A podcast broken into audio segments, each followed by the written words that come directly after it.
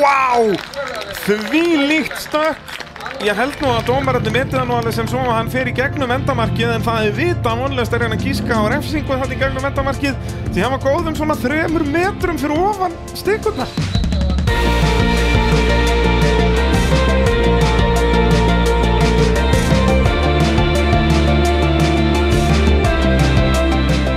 Jú, það er mótorvarpið sem að heilsar í 125. skiptið. Allt saman í Nóa Sirius stúdíói podcastöðurinn er í bóði AB varahluta bílapunktsins, Ólís, Bíljöfurs og tækjaflutninga Norðurlands. Þökkum þessum fyrirtækjum kærlega fyrir að styrkja gerði þáttana og svo minni ég enn og aftur á motorsport.is ef þið fáið ekki nóg á motorsporti hér í mótorvarpinu að þá er hægt að eh, kaupa sér aðgangin á motorsport.is ársáskriftin þar á 11.900 krónur og eh, þar eru þá hægt að finna í allar beinu útsendingarnar sem hafa verið eh, hingað til það er eh, komnar þrjár útsendingar núna í ár og svo næsta helgi er náttúrulega stíft prógram þar eh, fyrsta umferð Íslandsmótsins í ralli þetta verður í fyrsta skipti sem við reynum að eh, hafa beinu útsendingu á ralli verðum á að loka sérleðin um Nikkel og eh, verðum líka duglegir í stúdíónu þar svona að hita upp og, og gera og græja og svo náttúrulega önnur umferð Íslandsmótsins í rallycrossi sem fer fram á sunnudaginn þannig að tvær útsendingar um næstu helgi þannig um að gera að eh, skella sér inn á motorsport.is og ekki missa af neinu en eh, Jakob Cecil, þú ert komin hér eh, með mér í stúdíóið eh, af hverju er það? Það er að því að var torfar um helgina Það er akkurat svonleis þriðja og fjórða umferð Íslandsmótsins eh, fóru fram á Egilstöðum í Savia Torfaran og eh, já, við ætlum að krifja þessar keppnir Er það ekki svolítið svonleis?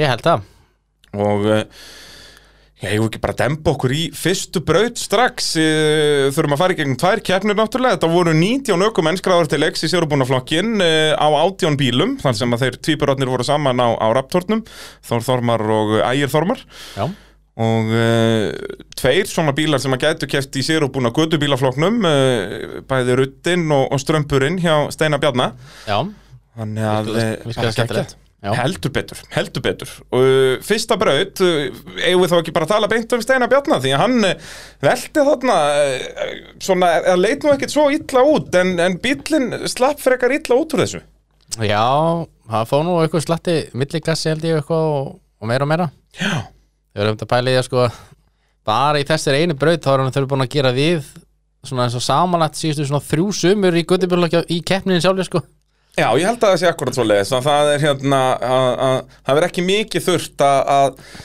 þetta er meira viðhald frekar en að gera eitthvað við eitthvað tjón Já, hjá, já. hjá Steina En þetta var, hann var svona smá ópin hann, fór, hann hefði nú jafnvel farið hann upp ef hann hefði bara mist hann aðeins langt til hægri Já, og það er náttúrulega málið þarna, hann er með örlítið minna grip Mm. og þú veist náttúrulega óvanur að keira bílnum uh, á þessum skópludekkjum uh, þannig að, að þú veist, hann ákvað að gefa í bara vel snemma og þá missir hann aðeins stjórnina og bílinn svona reysir sig aðeins upp þannig að hann missir grip Hann alltaf bílinn er stuttur þannig að hann er, ef það kemur svona bar þá var hann fljótur að fara aftur fyrir sér stundum Já, og svona herri þingdambútu Já. Mhm. náttúrulega heldur en á, á hinnu sérsmíðu græjónum mm -hmm.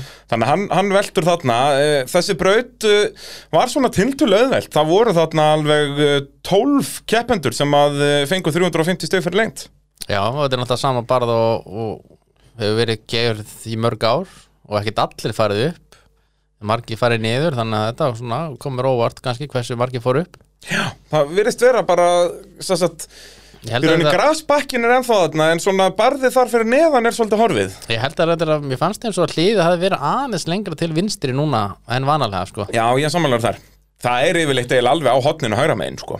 Já, eða svona, já, að væ- það- ég held að það sé yfirleitt það sem rauðastekan var núna að hvítastekan hefði verið það rauðastekan lengra til hægri Akkurat, akkurat Þannig að- að það vissulega gerir þetta þægilegur út að barðið verður svona verra og verra því lengra En Þetta var hægra í samt brekku. fínasta braut og þá var allir, margir fóru, fóru hann upp þá er, finnst mér svona brautir allir lægi samt sko Já, út að það var alltaf trikki og, og ég vil sérstaklega rosa brautar eh, sérst, þeim sem voru að leggja brautinur á eigilstöðum fyrir það að, að þú veist, jú, ve- eins og venjulega þá voru kannski svona fyrsta barði braut auðvelt og þannig var það alveg þarna, brautin að byrjuðu auðveltlega sérst, ekki, það var ekki mikið að veltum eða neitt snemma í brautum en það var alltaf erfið hlið sem sagt, maður sá alltaf mun á góðum og lélegum ökumunum að hversu margar refsingar er fengu í fyrstu hliðunum í rauninni Já, já. ólíkt til dæmis eins og hellu fannst mér mikið af bara svona óþarfa akstri til að byrja með Já, Skilurðu? og svo líka veist, brautin sem áður en loka bara kom hún breyttist oft rosalega veist, í brautunum Já, akkurat Bara Rásröðin skipti svakalugum málum Já, Um helgina já. Alveg rosalugum og í raunin í öllum brautum, þær urðu alltaf betri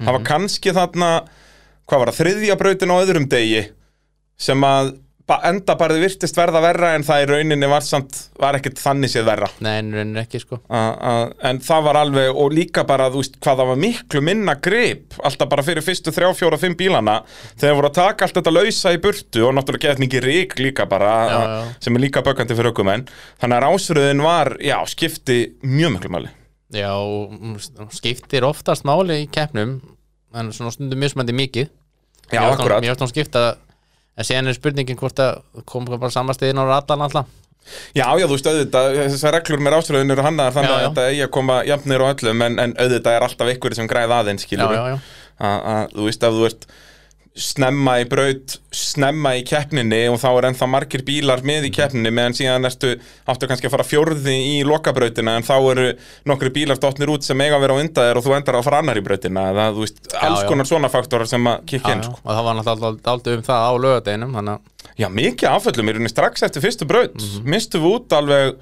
hvað, tvo, þrjá bíla, Siggi Jippi náttúrulega í tómubasli Já, Svani þurfti að hætta eftir fyrstu braut Já, Ég svo sem tala þá bara um hann Vist, hann, hætt, hann þurfti að hætta eftir fyrstu braut Já, í rauninni, hann hva, kom ekkert aftur fyrsta daginn Nei. eða eitthvað? Nei, það er rétt Og hérna, Held að það hafi verið stýrið Nei, maður hvað það var já það getur, mér fannst líka stýrið eitthvað vera skringilegt setni daginn fannst mér Það er eins og hann hafi verið, Það var eitthvað hérna þurfti að fá eitthvað Samvætti við glussan já, hann væri þá vökkastýrið eitthvað að- með sem- Það var nás á sunnudagsmótninu Þeir voru að leitast eftir ykkur mönnum sem að eru góðir í því En allavega hann að gegja það að fá hann setni daginn En já, svekkjandi fyrir Svan að- að missa út yfir nánast allan fyrir daginn Og hann er held ég núna einu ökumæðurinn sem að er búin að keppa allar fyrstu fjóra keppnunar en er ennþá með 0 stig í Íslandsmótinu Það er svo leis Já, sem er uh, ekkert frábært rekord að hafa en uh, hann hefur það samt en uh, sömuleiðis uh, náttúrulega Siggi Jippi bara hrikaleg helgi hjá honum uh, Já.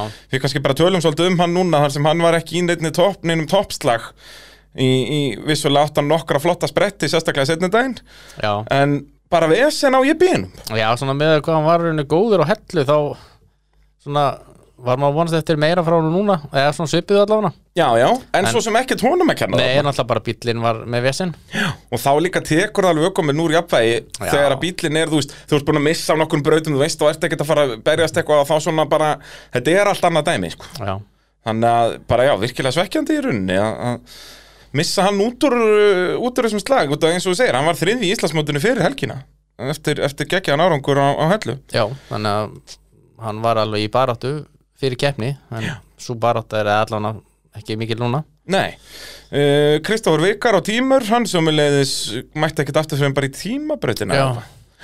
Og, og fór held ég bara með sútu braut held ég í tímabrautin síðan Já, og eins og með ruddar náttúrulega, hann Já, já. eh, Brynjar Jökull að hann, ó, komin einhvert ásamlega tröflanir í tækin, gaman að því hérna Brynjar Jökull talaði um það eh, nei, hérna á, á ruddanum hann kom ekkert fyrir en bara í tímabröndina Já. vissi eitthvað hvað vandamáli var var bara vissi hann með gangsetningu eða Ég heldur ég voru náttúrulega bara að gangseta viti núna og prófa, eða prófa allan við voru búin að gangseta held ég en voru búin að prófa hann bara núna já, akkurat, og þá kom upp eitthvað svona eitthvað smá vesen Já, en hann kom bara þarna í tímabrautin og fór endar vittlösa braut já, Eða svo- fór, fór út á braut því miður En hérna, En- já, hann kom allan allan, allan brautir sinni í daginn hann Já, og bara alltaf að betta sig bara geggjaður, tölum betur um hann uh, hér á eftir uh, staðan eftir þessa fyrstu braut eins og segið, þetta eru voru 19 keppendur þannig að, að við kannski náum ekki að gefa öllum alveg, uh, alveg uh, gott uh, já, já, fjalla vel um alla hér í runni, en staðan eftir fyrstu braut, já, uh, Geirivert uh, og Palli Rolla fyrstir báðir eru með 350 stegur eftir laust og svo koma, já, ansi margir þar á eftir, Skúli, Haukur Viðar uh, Ingvar, Þórþormar, Ingi Már og Guðmundur Eliasson eh, allir með 330 steg fengu þarna 20 í mínus þannig að bara gaman að byrja á svona braut út að það kom alveg tilþrif en, en líka já, en þá allt í játnum í rauninni eftir fyrstu braut Já, þetta er náttúrulega bara spurningin um stíkunar Já, og, og, og, þar sér maður líka yfirleitt svona hverjir eru hverjir hafa reynsluna og hverjir ekki Það var alveg hlýðarhattin líka í byrjunum var aðeins svona, hvað ég segja, erfiðari Þú veist, hann var gefið erfiður en upp á stikunar Já. þá var það hérna erfiðara þú veist, þetta í byrjuninni heldur en í setni hlutunum Algjörlega og hérna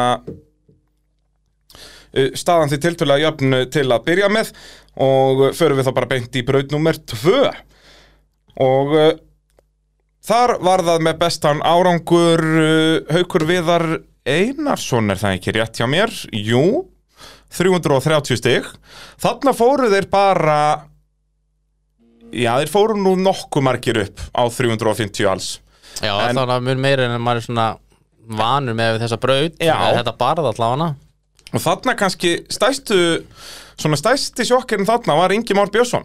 Hann fær ekki nema 150 stegarna, 210 mínus 60, tapar þarna þá, uh, já, 200 stegum, Já, neða mögulegum, hann tapar, hann var alveg var með mínus 60 þarna, hann hafði fengið þrjú- 290, hann tapar svona 100, og 140 stegum já, sem að hefði þýtt að í lokdags að hann verið allan að mun nær toppslagnum en uh, hann festi sig þarna bara í vinstri beginni fyrir lokabarðið já, ég man ekki eftir einhverju að fest sig þarna allavega Það voru tveir sem festu sig og Móri festi sig líka Já Og eins og þú segir, ég bara man ekki eftir að hafa séð þetta sko Já. það, ma, það er náttúrulega, hóllinn hann fyrir eh, náði alltaf eh, nokkrum og gerði það aftur núna að festa sig á kviðnum þar Já, já, En eh, já, magnað að, að- eins og þú segir, ég hef ekki séð það marga festa sig þarna nei Það er svolítið svoleiðis Uh, en staðan eftir aðra brautina var þá uh, að Haukur Viðar leiti skúli var annar og þarna var svona þessi, þetta einvíi að byrja að myndast, þarna voru tíu stig á millera Haukur Viðar tíu stigum á undan skúla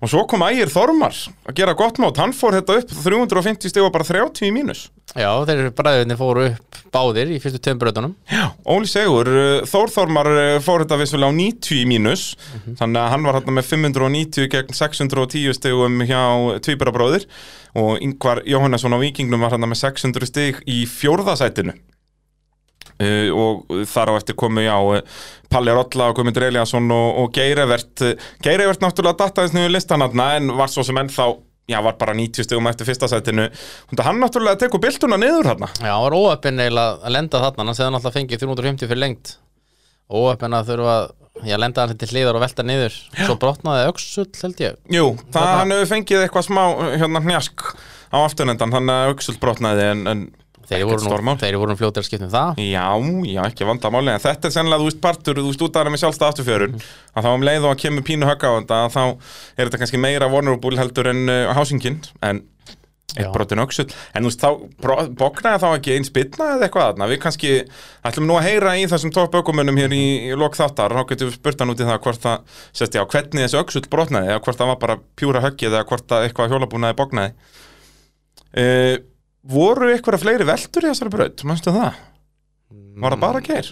Já, ég held það Það er hansi magnaði, út að eins og segja, þessi, þessar fyrsta tvær brautir er í þessu fræga barði þarna sem við höfum séð nú ansi mikið að tilþrifum í, í gegnum tíðina Já, en það virðist vera svona með tímanum að þá er þetta bara svona aðeins búið eða, eða það er orðið auðveldara Já þetta er svona eins og blöndósbarðið Já. tíma. það er að verða svona auðveldra auðveldra kannski núna er það bara gutubílan getur bakkað upp blöndósbarðið sko. Já, ég hugsa það, það er ekkit, þetta er bara brekka, ég Já. manna að þetta var nota sem æfingabrekkan síðast þarna Já, já. held ég Þeir voru að lulla þarna upp bara, í- bæði göttubílar og sér og búnir sko Þannig að þetta er svona með áratugunum verður þetta auðveldara þeir, þeir svona kannski kannski næst geta er haft stýttara tilöp láta að fara hérna, meðfram svona bakkanum og, og svo upp Já. það var stýttara tilöp Akkurat, það, hérna, já, ef það er einhverjir byrjar að pæli því að þá er það 100% þeirra á eilstöðum, Já. það er bara svona leiðis. Uh, skellum okkur þá bara í þriðjubraut á eh, öðrum degi og uh, þá hjælt fjörið áfram því að uh, bæði, þetta var náttúrulega mjög skemmtileg braut, þarna, þetta var eins nálætti að vera einn fullkomna torfærabraut og hægt er.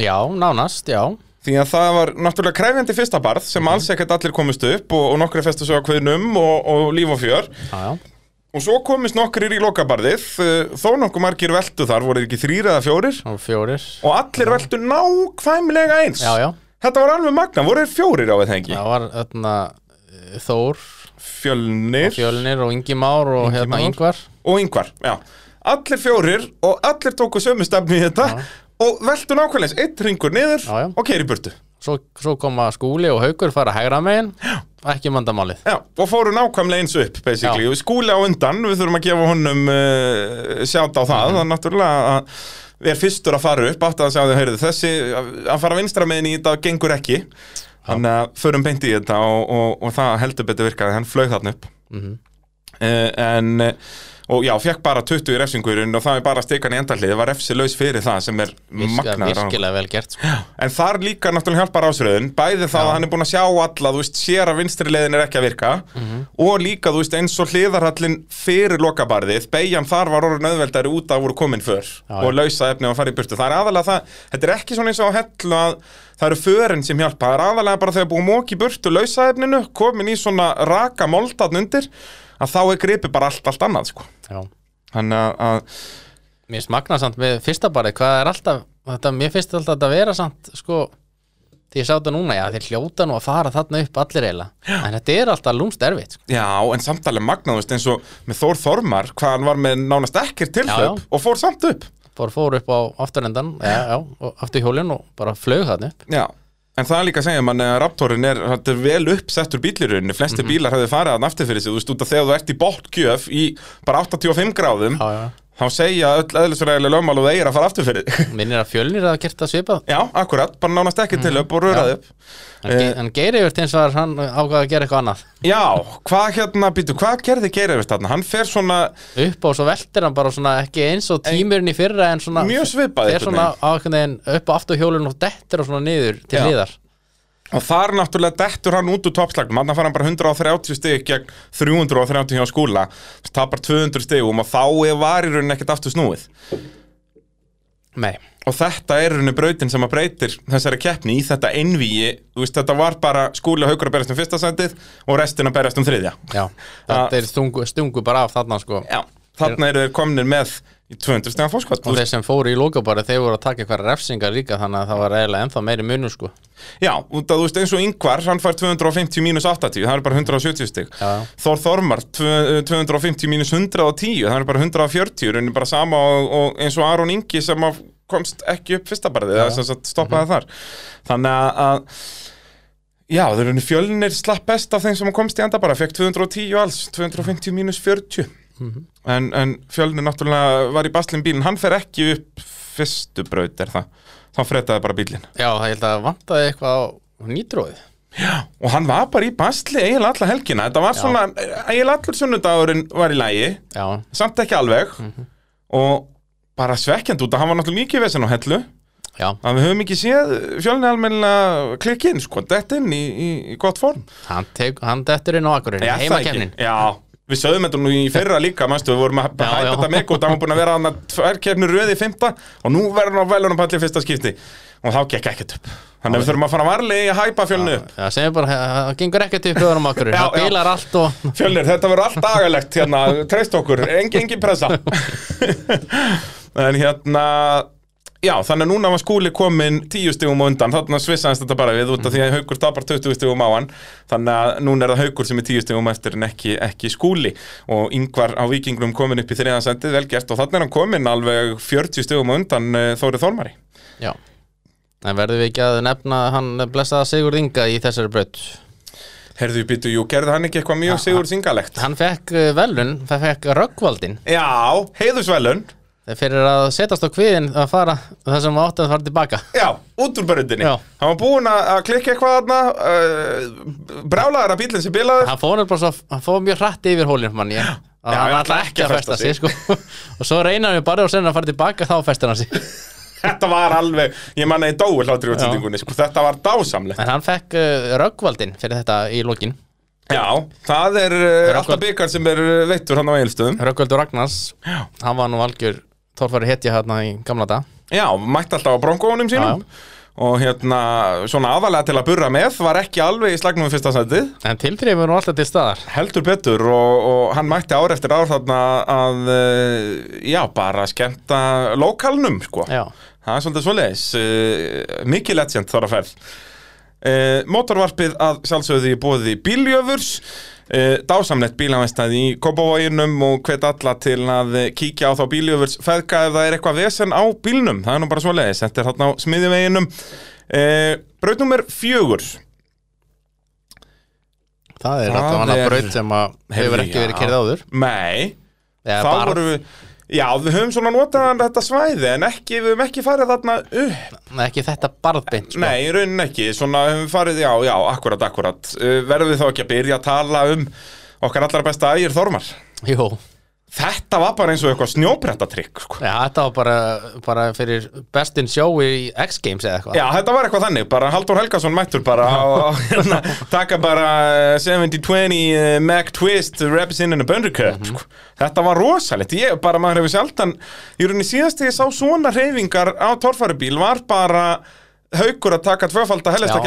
kjátturabak þú veist, þegar maður sér hann snögga snúning þannig að hann næra taka alls konar snúninga í loftinu áður en hann snerti jörðin aftur sko. Það hefði verið svo sturla samt ef hann hefði lent á hjólunum sko. Já, það, ef þetta hefði verið bara eins og ég segi, fullkomi bara halfpipe trikk Þá hefði þetta bara verið tilfæra ef að velun bara síðustu ár Já, í rauninni, þá var- hefði þetta verið á pari við haug Já, Þetta já. haugur náttúrulega náði að lenda sínu tvöfalda, sko Já, já. Það er ægir þar að æfa lendinguna, þetta var náttúrulega fyrsta kefnin, sko Já, það er, þeir eru það er að tala við flug, flugstjóran Já, akkurat, akkurat, það geggja að fá ægir Er það ekki réttið mér þetta sem fyrsta torfærakefnin hans?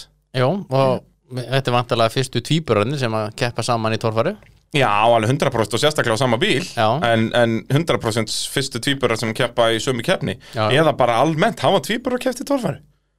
Ég held ekki, það er ekki allavega Nei. hringir einhverjum bjöllum, sko Það eina sem ég man tvíburarnir í rallinu hann í gamla dag Það er engin tvíburinn sem er bara í öllu motorsporti á Íslandi nema Já, þarna í það voru rallinu. tvíburarnir hérna Guðmundur og Sæmundur Hm. á, á eskortinum Og svo núna þeir tveir hérna í torfarinni Já, það er rétt Þannig að það er bara til hamingi með það eh, já. Þormars bræður já. Eh, En já, sturlu velta þarna og hvað eina sem brotnar er einn öxull Já, Eða spúllin eða eitthvað, þetta var alls konar Nei, það var setni daginn sem það gerist og síðan fór Þór Þormar í sumu braut og held ég með brotin öxul Herðu, já, sturla dæmið þar Hann fór Hvor- samt, hann fór hendur ekki, hann fór upp en hitti Já, hendur ekki á hlið hitt ekki andahlið út að það er náttúrulega vita vonlust að stýra Já, já. bílum á þremur en ég held að ég hef bara aldrei séð þetta í torfar Mhm. það er mjög sjaldan að það er brotin öxull og aukumæðurum fer upp lokabarðið Já, já, Það er bara, þú veist, þú þekkir þetta náttúrulega um leið og brotnar öxull í þessum bílum, þeir verða alveg bara vonlausir að já, gera já, er bara stjórnlusir Þannig sko. þannig að, að bara stór magna dæmið þar að- að ná að að klára en vissulega hitt ekki andarlið, þeir voru nokkur í því og það, þú veist, það mátti ekki fara á land til hægri þarna eins og uh, Sævar Bennisson og Móra og, og Ægir sönnuðu þarna snemma, var það ekki Sævar sem veldi þarna? Jú, þönduboltið líka Já, akkurat, Jón Reynir Ég held að það hefði bara verið þannig sem bara ófært eða þú hefði farið alveg hægra megin Þannig að þeir þurftu að miða bara á hvítustikuna í rauninni og, og sömur miðið aðeins og langt til vinstri og mistu af hliðinu Já, og, það voru samt alveg alveg nokkur sem fóru upp samt Já, en magnað að uh, hvorur þeirra í toppslagnum fóru í gegn mendalið Já, sko, Náttúrulega já. skú, skúli komst ekki upp Nei, Var já. ekki hann ætlaði að reyna að fara bara í mittlið Jú, jú, hann stökk bara upp í loftið eiginlega bara. Já, í rauninni og lendir bara akkurat niður, bara bakka bara niður, bara aftur Náði ekki aftur hólum upp á kantinn Nei, en haugur lendir að bara stökkva bara þessu upp á Þóra eða bara stökkva til hliðar Já Hitta ekki ándahliðið, þannig að staðan þá breyttist aftur Þá var haukur núna komin í fyrsta sendið og skúli tíu stegum eftir Þeir voru duglegir að- að svoppa lítinu og alltaf bara tíu stegum millegir Það var annar að tapa alltaf 20 stegum Þannig að þetta, í rauninni, þeir fengu báðir 250 fyrir lengt En skúli fekk 20 í mínus átna í hliðarallanum Já, svo fór hvað Ingi Már og Gerivert fóru þarna upp og Já Og þá, og yngvar Já, Ingvar sem var þriðji, þannig að hann held uh, fórskotinu sínu þar en Ingi Már var þá komin upp í fjórðasendið núna út af því að uh, hann fer upp á bara með 40 í mínus og Geirivert uh, fór upp bara með 60 í mínus þannig að hann er komin upp í fimmtasendið en Guðmundur Eliasson átiminni er jafnónum þegar fór- þarna er já, komin hann svona fór þarna upp Akkurat, þannig að hann var komin í toppslægin gaman að sjá Guðmund núna og bílinn í, í fullkomni lægi og hann í lægi líka að sjá hann að að taka á nýja, nýju græjunni Þetta er allt mátnöndu stóru fánanir Af hverju eru fleiri ekki að vinna með þetta? Ég finnst þetta að- mér vekur finnst svo að- mikla aðtík Mér finnst þetta geggja Þetta er ógæslega töff, þú veist, ég manning gamla þetta, það voru allir bílar með fána Já, Þú veist, ekki svona stóra fána vissulega nei, nei. En þú veist, það var alltaf hérna kjörisfáni Já, eða já, hvað það já. var, sko Þetta var bara partur að þessu Þú veist, ég mann þegar ég var að kuppa legobíla í gamla þetta Ég fór alltaf og klifti út af blaði og, til að, og setti á svona hérna, eh, eh, hérna tannstöngul Já, já, já. og, og, og, Til að hafa fána aftan á legobílnum Þú veist, þetta er bara partur á torfærinni Og það var líka svo gaman alltaf þegar hann veltur að þetta fánin já, já, já Þannig að mér, fleiri þurfa að vinna með Mér finnst þetta þetta koma vel út Mér finnst hann lúka bara virkilega töff sko. Algjörlega, og þetta er líka bara, ég sagði þetta alltaf um leið og ég sá bílinni bein útsendingunni bara skildum andan djú fannundi þetta núna Þú veist, þetta er Já, já. einhver besta auðlýsing sem þú getur beðið um, sko Þeir duttu nú bara eins og nefndi Já, bara í tímabrautinni setnum daginn, Já. af öllum brautum til að detta og þá Já. var það í tímabrautinni Já, já, En hann velti bílum ekkert eða nei Nei, það er magnað, en hann náttúrulega kláraði fyrstu veltuna á hellu Þannig að það er búið, það er búið að tekið það box Já, velt hann ekki Hann velti tvisvar tvisvar, eða ekki, jú, minni það Þannig að, að hérna, já, Guðmundur komin upp í sjötta seti þarna, eða jafn gerivert í, í fymta setinu. Eh, Þór Þormar dettur nöðlistan hann, fekk 40 mín og svo náttúrulega hitt ekki öndahlið. Nei, Og Aron Ingi á stormi, hann var einhvern veginn alla helgina þarna bara svona í kringum 8. og 7. setið. já, Í rauninni í báðum keppnum, sko, alveg magna. svona vantaði eitthvað aðeins upp á til að fara aðeins ofar Já, nú erum við búin að sjá eh, þessa tvo bíla með Hellcat-mótorana í já, fjórum keppnum, sem sagt, tveimur keppnis helgum. Uh, ég er búin að segja hvað mér finnst í, í beinu útsendingunum. Uh, hvað finnst þér um uh, þennan, uh, þennan mótor? Mér finnst þetta alveg töff sko Já, en þú veist, ég er búin að segja það í beinu útsendingunum að mér finnst bara ekki nóg mikið afl í þessu. Já, ég heldur þetta að Aron hafi gert eitthvað til að auka aflið núna Já. og eitthvað sem segði mig það En þú veist, svona í þessum svakalegu börnum, það sem er lítið til upp, þú veist, þar sem við sjáum haug og, og skúla Já, já. og þess að fara upp, en ekki marga aðra, þú veist, Aron er aldrei einn af þeim sem kemst upp, sko. En vissulega snemma, skilur, það er bara fjóra keppni búnar, Já, já, já en, en, Æ, ég veit það ekki, mér þarf finnst ekki hann- aðeins Hann meira? þarf kannski meira tillöp heldur en til já, dæmis ég segi það, þú veist, Haukur það er eða bara, Skúli, sko. það er eins og vantið örlítið meira. Ég man eins og hellu og oft í þessari gefnum þá fannst mér hann keira þannig líka bara Ég man eins og í þriðjubrötu hellu þá bara leta hann bara vaða lunga á þér og svo bara hoppaði hann upp á sko Já, en það er náttúrulega ekki gott, skilur, þú Nei, vilt, nei. vilt geta lína bílnum rétt upp og svo leiði, skilur, ef þú ert að keira stólanda og sért ekki með jafn mikið afl og, og samkeppnin, að Það er þá bara- verður raksturinn verri. Það er eins og haugur fekk sér nýja vel ymmið til að ná þessu betur Já, að geta verið meira hálfrikjöf Já, já. mér finnst Ingi Már vera snillingur í þessu já, hann er alveg bara, hann gerir þetta nokkru sinum helgina að geta verið á, þú veist, farið gegnum næssíðasta hliða, það er ykkur beigja, bara svona í hálfrikjöf næra halda hraðanum Mhm. já, já, já. svo bara þegar það er bílengd í barði, gefur hann allt í Já, já, bóð allt í bóð og flýgur upp, þú veist, hann er alveg og er svona, hann er svipar og geirivert fer svona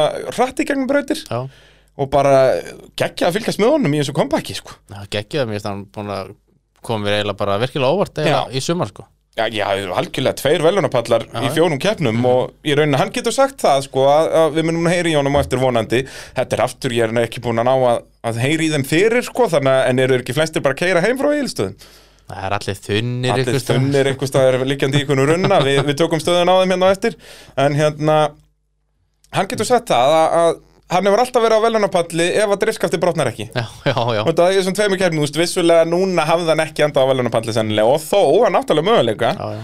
En, en það fyrir driftskatt þarna í En síðustu Þetta brauti kefur, þetta kefur mann samt ekkert endilega rosalega óvart ef maður pælir í því því að hann var alveg þannig sé sem í topparatun þegar hann var að keppa 98 Algjörlega þannig að veist, hann hefur þetta held ég alveg til að hann, það kefur mann ekki beint á óvart en mér finnst það geggja sjá hann svo far sko Já, þú veist, ég held að samkeppnin væri meira í, í ár heldur en hún var 97-98 Vissulega voru við þá með Gísla G og Einangun Lögs Og Halla og, P og og Halla P og þess að svona. Já, já. kalla, sko En hérna, þá voru þeir svona einhvern veginn færri Nú finnst manni fleiri í toppslagnum En Já, já, já. Ingi Már heldur Petur að steinpla sig þar inn Og náttúrulega kaupir mjög góðan bíl Hann gerir þetta mjög rétt að Já. Mhm. Bara kaupa bíl sem hann veit að hann virki og, og keira þetta bara já, já. Þannig að alveg geggjaður uh, Já, ég var þá ekki að skella okkur í braut nummer 5 Eh, eins og ég segi staðan þarna þeir voru ennþá að berjast á, á topnum og þarna er ennþá, þú veist, það er þó að minka bilið, yngvarnað að minka eins bilið í það þarna er það komið í 150 stig ekki 200 stig þannig að það voru, þetta var ennþá alveg möguleiki með tvær breytir eftir og, og þær voru krefjandi Já, sérstaklega fimmtabrautin þá var þetta síðasta bar það sk- getur skipt öllum álið og ferða hann upp sko. Já. og það kom að daginn að enginn fór þar upp ótrúleitt en satt, ég bjóst nú við því þegar að var það ekki Guðmundur Eliasson sem fyrir fyrstur upp á svona hægra megin Jó, jó, jó og, og hérna reynir að spóla sig upp en, en Þetta er einmitt d- með rásurina þetta er náttúrulega eftir þessum aftur rásur þarna það því betra já, algjörlega og það var þannig í öllum breytum að vera fyrstur þarna, gerið verðt á fyrstur það var bara, bara döða á dómur en hann reyndar fór þetta nú bara þokkalega vel með við fyrstur sko Mhm. Já, miða við fyrstur, hann er 180 stigum hann, 220 mínus 40 Já. og miða við að þetta var svona upp og niður og, og trikk í beigur að, að það var svo sem ekki mikið svona trikk í hliðarhalli sem maður sá, þú veist, eins og bara ég mann lokabrautin á setnideginum bara svona tiltulega basic hliðarhalli nei, fymtabrautin segi ég mm Mhm. tiltulega basic hliðarhalli, en fyrstu bílar voru bara miklu ströggli út að þetta var svo laust Já. þú veist, setni bílarnir gátu bara bremsaði í brekkunni og bílinn rann ekkert niður Nei, þú veist, þeir gátu, að nei, já, ég þarf að fara aðeins breyta aðeins aðeins, þú veist, meðan að fyrir bílarnir þurft að taka þetta miklu ákveð Mhm. þannig að, að, já, rásurinn skiptir bara mjög miklu máli á eiginstöðum, það er bara svo leiðis Já. það er torfara svo leiðis þetta Eh, uh, í toppslagnum þá uh, var það uh, haukur sem að grætti aftur 20 stig þannig að hann var þá bú- komið 30 stigum undan því að hann var 10 stigum undan, fekk 220 refsilaust á meðan að skúli fekk 220 mínus 20 eh, rétt nartaði eina stikuna og það sýnir nú bara hvað slagurinn er harður hann að já, að narti eina stik og, og keppandi næra þrefald á fórskotið sitt já, já, já, já. eh, en við þurfum nú að tala um haug þarna já hann var bara með pínulæti þarna í og þessari Mm. braut. svaðalegt dæmi sko. það er eitthvað kommentið sem ég sá á Facebook fannst mér orðað þetta vel að þetta myndi frekar á okkur svona monster truck já, já, þetta var bara eitthvað svona, þeir eru alltaf að fýblast eitthvað á framhjólunum að gefa í og eitthvað svona já, já. þetta er náttúrulega fyrst og fremst kólaranga ákvörðun að reyna að bjarga sér að fara að velta þarna já, hann hafði náttúrulega verið að farið fram fyrir sig þá, Já, hann hefði ekki einu sinni farið framfyrir sig, hann fór hann til hliðar ef hann hefði bara staðan á bremsunni, að hann farið einn ring til hliðar já, já, já Þú veist, ef hann hefði strax staðið, Já, já, já. en auðvitað ef hann hefði staðið á bremsunni þegar hann var byrjar að reyna að berga sér að þá hefði hann farið svona kollnis fram sem er Já. ekki góð velta, sko nei, þá er örugglega lendið allt ítla og veltibúrun þá Já. En í staðin lendi bara ennþá verra á veltibúrinu í rauninni, mjögst magnaði veltibúri slapp já, Þetta, þú veist, hvernig var upplifin þetta á staðnum?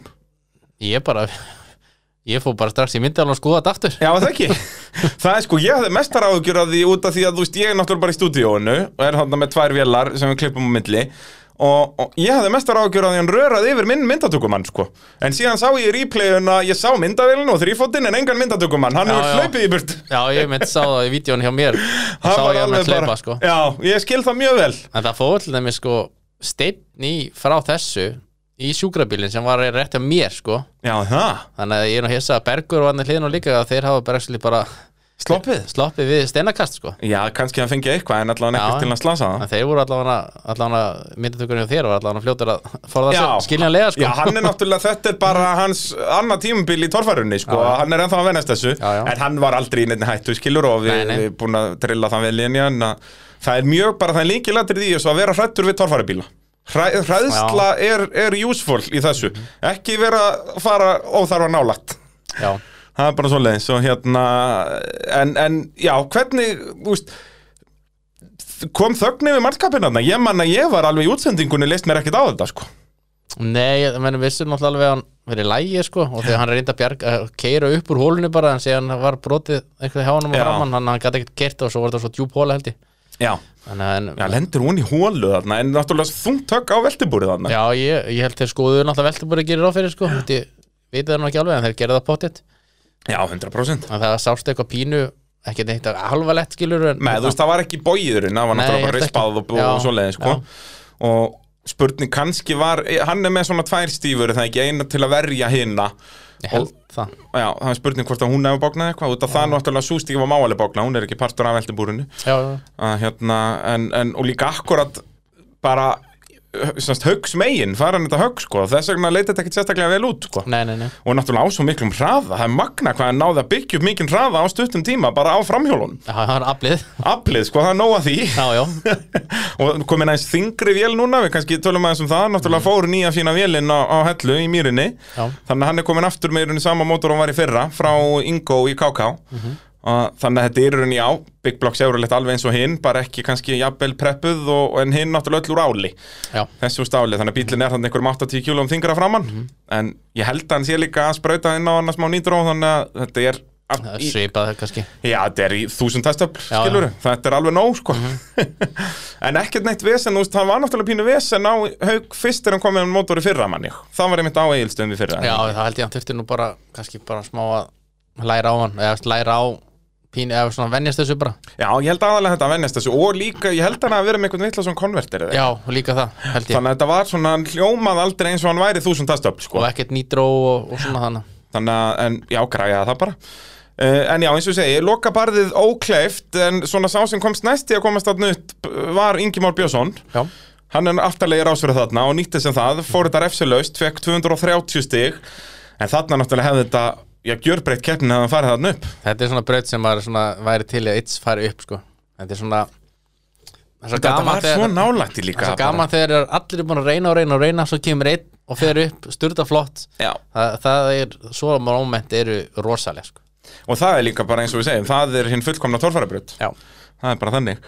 En eh, já, aftur að þessu mómenti á hauki að þetta er eins og við höfum nú oft talað um í þessum þætti og ég myndist á því útsendingun að, að alltaf, í- í- nánast alltaf þegar að menn reyna að berga sér frá veltu að þá tjónar bílinn meira heldur en ef þeir höfðu bara leift honum að rúla í tring já, já, já, Þessi bílar eru hannaðir til að fara rólegar veltur niður, leifa þingdaraflunum bara að gera það sem það getur, gerir best en um leið og þú fyrir að auka hraðan með því að reyna að berga þér að þá getur kýturum farið í veftuna það er til þrjáfélagin sko. þeir, eru- þeir eru að ná í byggar sko. Það er nákvæmlega, safnandi, það skiptir ekkert máli hvað stendur á byggarnum bara að vera með byggar í hillunni sko. já, þeir Það er- reyna allt sko. Það er nákvæmlega svo leiðis Hver fekk til þeirra velun fyrstu daginn?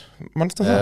uh, Ingimár fyrir eh, tímabrautina og þegar hann var að sprunga Já, fúf, hörðu við tölum það á eftir maður, það var geggjað ég mitt, fór að mynda að pæli tildrafélum mér fannst ekkert vera svona catchy moment Fyrir daginn, nei, þetta voru nú bara Svona- þessar veltur sko. já, þannig Ægir og að já, haukur þú fær alltaf engin tiltrif fyrir veltu þannig að Nei. það var ekkert svona catchy moment allan daginn ekki svona einmitt, eins og þú segir, ekki svona moment sko, en eins og samt Ingimar virkilega vel að þessum velunum komin sko, Já, eftir, þetta var geggjað, þetta rann í tímabrettinni sko.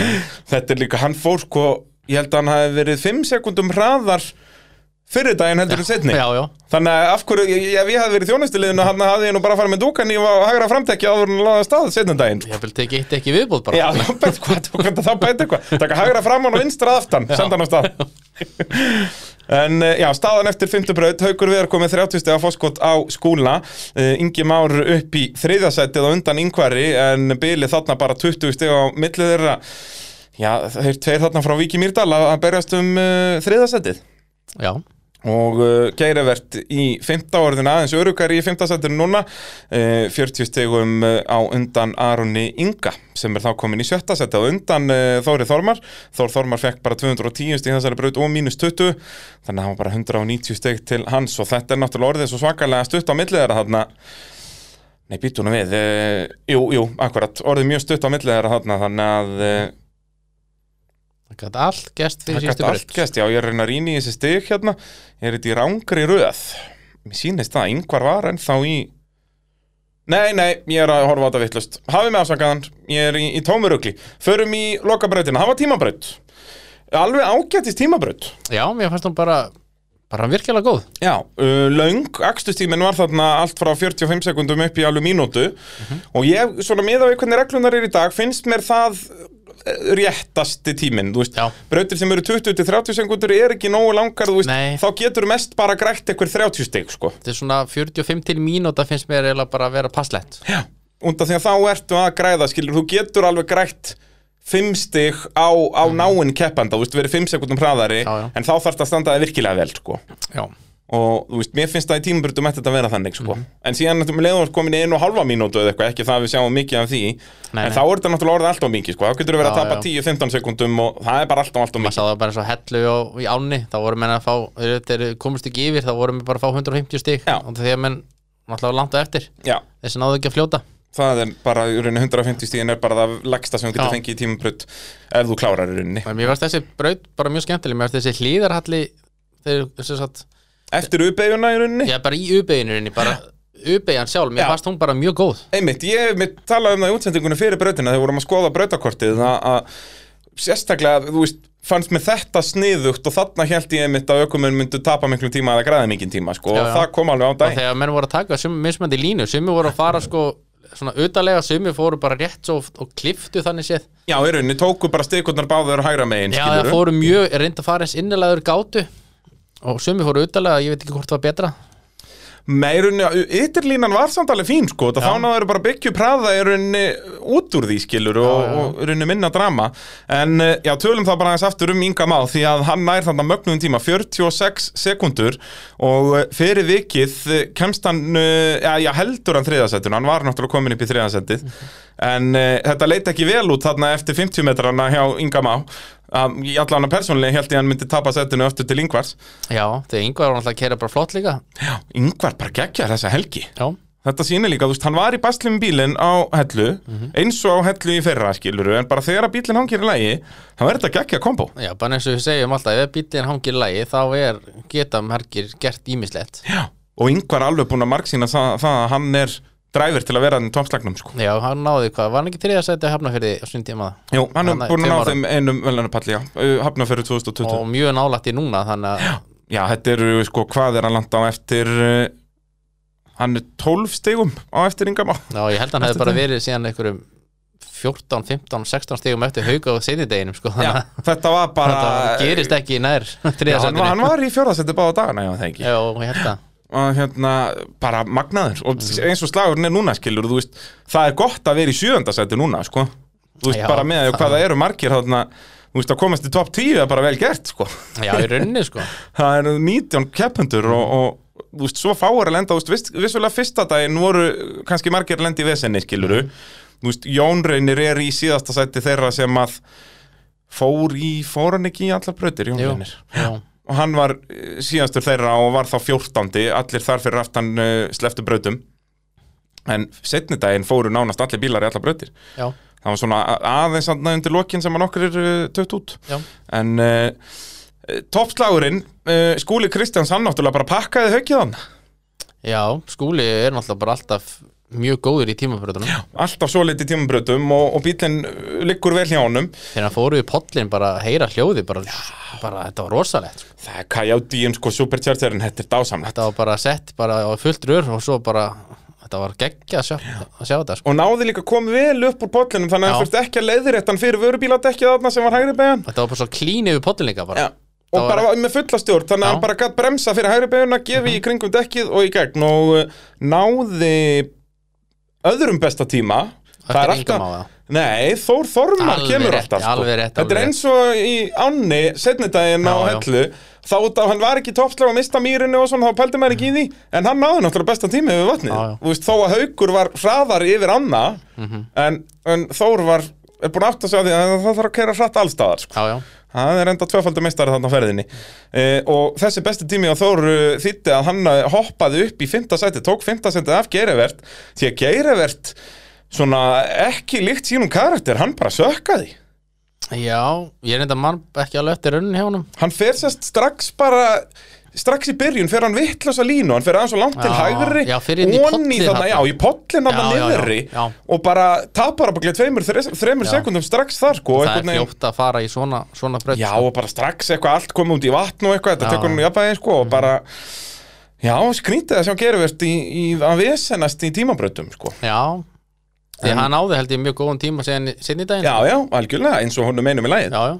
Þannig að þetta var bara Já, skúli tók þetta bara þokkalega hvað haukur var alveg, hvað hann Já, ekki sjö sko. sekundum eftir honum Jú, 6 og halvri Já. Það er skúli fer þarna 45,6 og haukur 52,0 já. Þannig að, að Haukur er svona stundum finnst mér hann eins og í tímabrautunum þá stendur hann nærunni bara geggja flott en það er oft sem hann nærunum ekki alveg í Já, tímabrautunum stundum er hann einhvern veginn alveg bara út á þekju, sko. Já, en þarna já. talaði hann eitthvað um það að bílinn var ekki, þú veist, út af eftir veltuna þurft að gera við Já, hitt og já, þetta já, já. og hann eitthvað úr jafnvægi og eitthvað, sko. Já, En- skiljanlega, kannski bíllinn kannski ekki alveg í fullkomlu með að við höggin sem hann fekk þá Já, nákvæmlega Þannig að, en við kannski heyrum betur í hauki á Já. eftir uh, hérna, hvernig, hvernig þetta var allt saman hjá honum En uh, Ingi Már á velunapalli uh, aðra keppnina af, eftir þrjár í Já, rauninni já, já, já. af- af- af þarna og bara leit virkilega vel út þarna Ingi Már var í rauninni komin þarna í annarsætið í Íslandsmótinu eftir fyrir daginn Já, Já,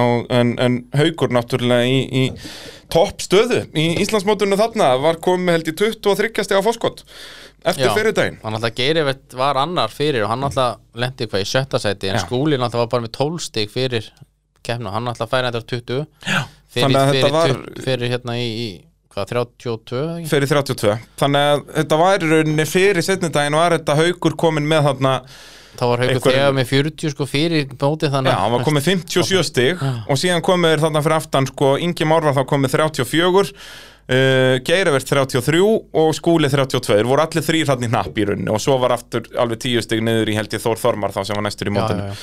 Þannig að, að eh, Haukur var hann í góðri stöðu eftir, eftir fyrirdaginn.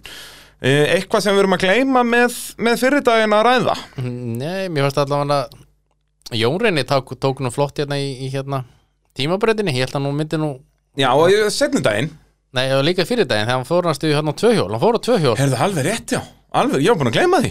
Ég fannst einhvern veginn, og því ég sá þetta bara fyrst sko, þá fannst mér eins og hann væri að velta sko Já, þetta leit þannig út, þetta var en ekta segja þannig. þegar ég, segja þegar ég sá þetta sen aftur úr vídjónu þá náttúrulega svona, það var svona smá Þetta var, já, það var ekki eins tæft og ég held allavega já ég, þegar ég sá þetta fyrst og þá var ég alveg bara, eh, þú veist, hrósa honum fyrir að Já, ná já. að retta sér, sko. en hann þetta var virkilega vel gert að redda þessu Já, það heldur var lítið, betur. það var lítið til að hendunum á yfir á kolf sko Já, og illa farið þarna sko En uh, annars held ég að fyrsti dagur er sem bara Já, það ekki, við þurfum að fara til dæla Við erum búin að vera blæðir í 40 mínútur, Jakob Já, Við erum eftir að heyri keppendum og svona finnst þetta er alltaf, allt í- finnst alltaf agalegt úr þetta að fá mig hérna Ég var að koma heim Já, þetta er agalegt, sko, heyrðu, síðan, þú veist, ætlaði ég að reyna að mæta snemma og vera búin að taka upp eitthvað af viðtölunum og eitthvað, heyrðu, fór skjárið minn í rugl, ég var byrjað að klippa eitthvað á vesenast og það gekk ekki neitt, þú veist að fara, ó, þetta var, þetta var ferlegt, Það var það að láta mig keira hérna í nýju tíma og svo er ég að sita meira hérna í tvo tíma já, kannski það hefur bara voruð illt í rassinum, það er bara svo leiðis. Þú náttúrulega varst, já, þú brunaðir í, í dag heim. Við erum að taka þetta upp sem sagt á mánundaskvöldi núna. Við erum yfirleitt á þriðutugum, Já, en ákveðum að nýta tækifærið bara. já, ég laði að stappa hérna klukkan, ég man ekki, já, hálf nýju morgun eða eitthvað Já. Og varst að lenda hérna og beint í mækinn bara. Heldur betur. Alvöru negla. En við töluðum nú um það þegar Tinni var hérna, sko, að að þú ættir að koma með fartöluna þannig að hún getur verið að klippa á meðan, sko. Þannig að mér líður svo illa að vera að stela þér tíma, sko.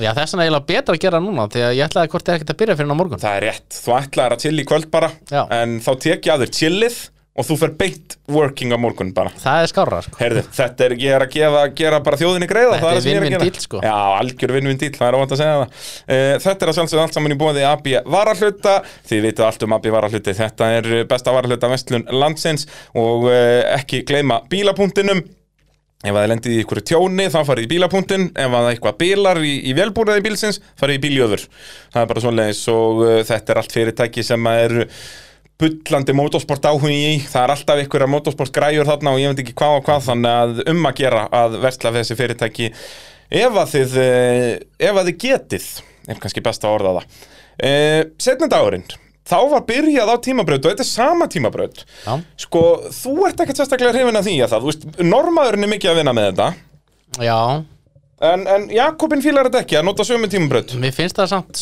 allt í lægi og því að þá sér maður líka mis, öfst, tíma öfst, bætinguna eða, eða Já. hérna, mér finnst það kostur sko en ég reynilega hefði viljað bara sjá hana ég hefði bara keða öfa sko næst í Já, þú meinar, byrja, já, heyrðu, það er enda verið áhugavert Og Það það ég, fá var- allt í ég raun man að- ekki eftir að það er fleitt veist, Frá, já, já, ég veit ekki hvort það sé út af bremsukapla eða eitthvað, ég veit ekki já, kannski út af þessum hóla þarna. Já, það er náttúrulega En býtu, jú, var ekki fleitt í þá að þegar fjölnir handlegsbrotnar hann Jú, jú, en, Það er jú, ekki 2018 jú, en þá þeir byrjuðu bara það sko ég verður til að láta hana ég bara enda sko þar taka bara hérna fara hlýðarallan og fara upp þar sem að þeir runni enda Já, og taka svo bara líkin á það sem þeir byrja runni já, og fara svo þar niður og fara svo bara í pollin einhvers staðar og eða eitthvað slúðis já Það hefði verið áhugavert, en þú veist, ég er rauninni, ég fíla þetta að hafa sömubraut bara út af þessu, þú veist, það ert að bera saman tíma Já, og já. bara til þetta dag, sko. Þetta er alltaf kostur og galla við allt sko Já, algjörlega, En algjörlega. hann alltaf svona, veist þú, þegar þetta var síðasta braut á deginum á undan, svo aftur fyrsta braut, hann er tvær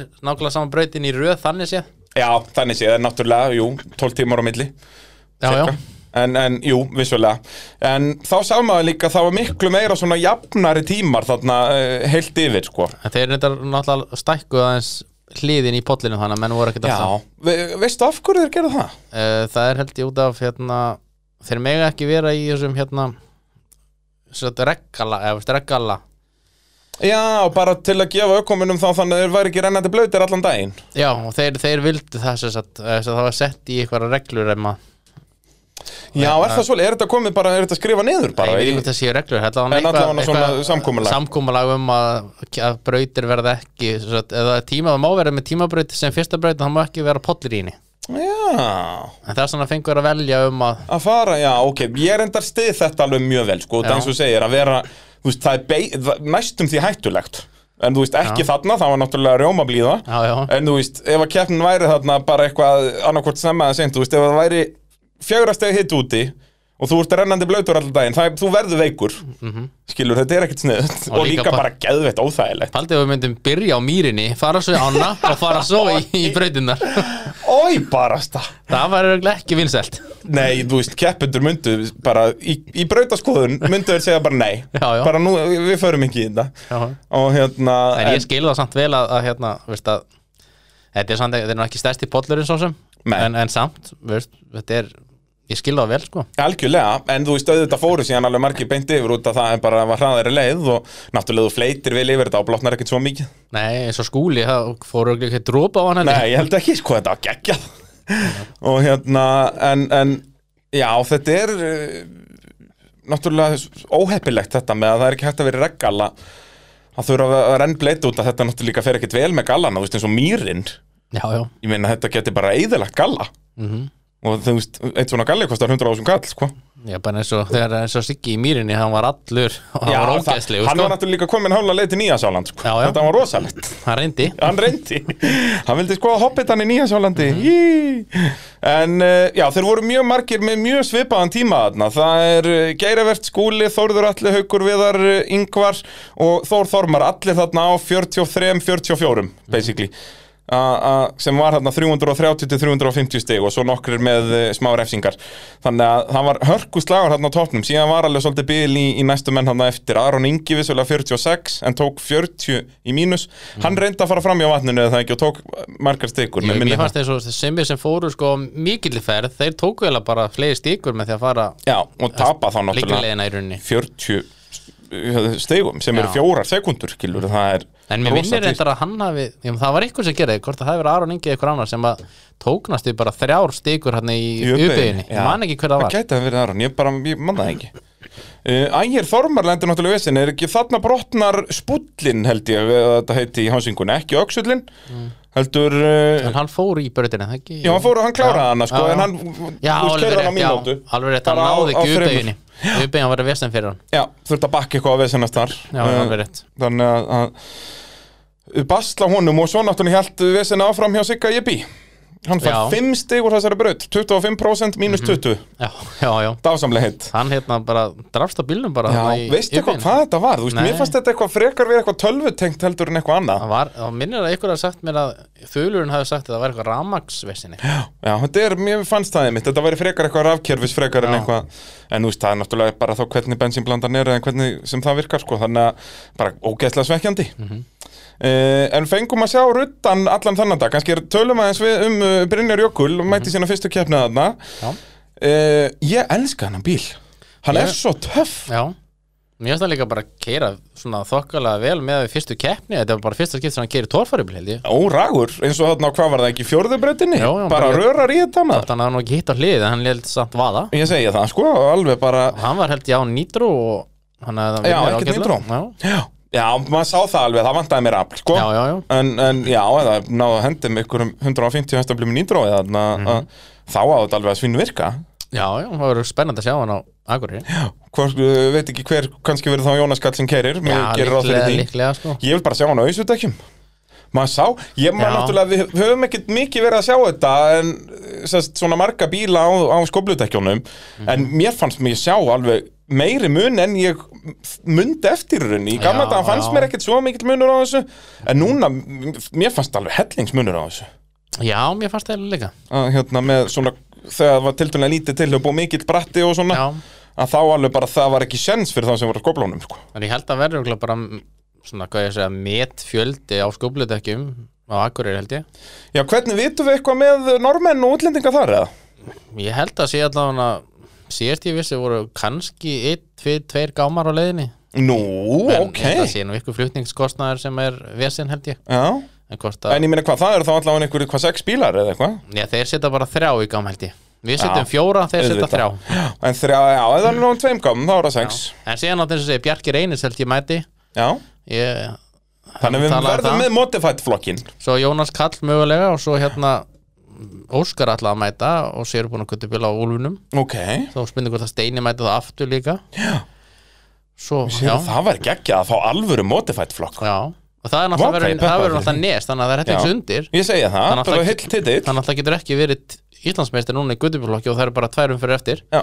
og heldur ekki sér búin á Gutubjörn þannig að það er allavega nest til Nestill. því bóði Það er ekki, vá hvað ég peppaði fyrir því Já. Að fá bara sérubúinu göttubílaflokkin aftur sterkan inn Þú veist, hvenær var síðast mætingi það, bara 2015-16 Bara þegar þetta var Aron Ingi og Bjarki Og Jón Vilberg. og, og Jón Vilberg, já, en það ekki bara það var síðast að skipta sem var Íslandsmeistari í þessum flokki það Og hvað var það 15 frekar en 16? var 15, Já, nákvæmlega, Bjarki var meistari þá nákvæmlega Vann á hellu manni, þess að var, mest- var stiga hæstur eftir hellu já, uh, Rosalegt dæmi Hérna, önnur brautin, förum þá í hana Eða, við- nú getum við allir ekki að tala um Jón Reyni núna Herðu, jú, hú, herðu, hann tók flugið maður Já. Þetta og líka bara smúð flug venjulega Já, já. þegar þeir fljúa þannig að endar þetta allt í harmleik sko. já, já, en þetta var bara geggjað þetta er hann eiginlega bara það er örugglega bara fyrsta skipti í mörg ár sem enginn oltið þetta Já, já, og, en hann er allavega að gera heiðarlega tilraun já, og þetta er líka svo cool út af því að lendingin er svona fyrir neðan Mhm. allir sem eru að horfa, þetta er eins og hann fljúi bara onni í lagafljótið já þetta ég, er mega hippokúl ég er mitt svona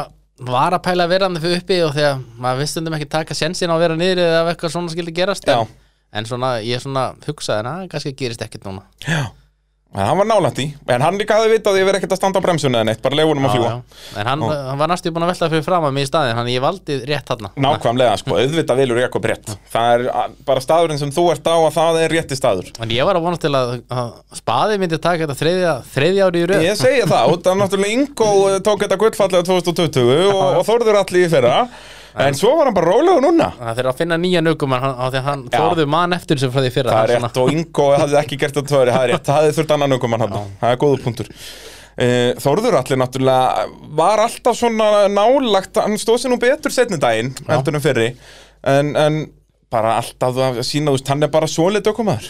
Já. Bara, og bíllinn náttúrulega geggjaður, aldrei neitt vesen á bílnum og hérna, ég spáði að hann náði nú, Og hann er líka hann er, til dæmis, hann er bara búin að taka eina veltu í fjórum keppnum nákvæmlega, og hann er samt að fara upp já ég líka. segi það, hann Þannig að- er ekki ragur, skilur þannig að hann er í rauninni ekki að þótt hann sé ekki að velta þá er hann ekki að máti í börðin hann er að fara það raun upp sko. Já, já, þannig, bara þannig að- góður akstur í þannig rauninni. að maður sér alveg munnin sko. Já, algjörlega, meðan hann var svolítið mikið á topnum fyrra uh, Í annari brautinni þá var það uh, Haukur Viðar sem að, uh, nei, býrmáðunni sjá Stegahæstur var Ingimar Björnsson, 350 mínus 60 mm hvernig var hennu brautin? Ég er búin að gleyma því það var uh, Palli fór fyrstur og, Alveg rétt. og velti sem enginn sá Já, það var í útsendingunum var bara svona, ég sagði, ég, ég held hann hafi oltið ég ég held að hann hafi sagt að hann vissi ekki um sjálfur hvort hann er oltið en Okkar maður ég held að hann hafi farið á hliðina og farið svo held ég bara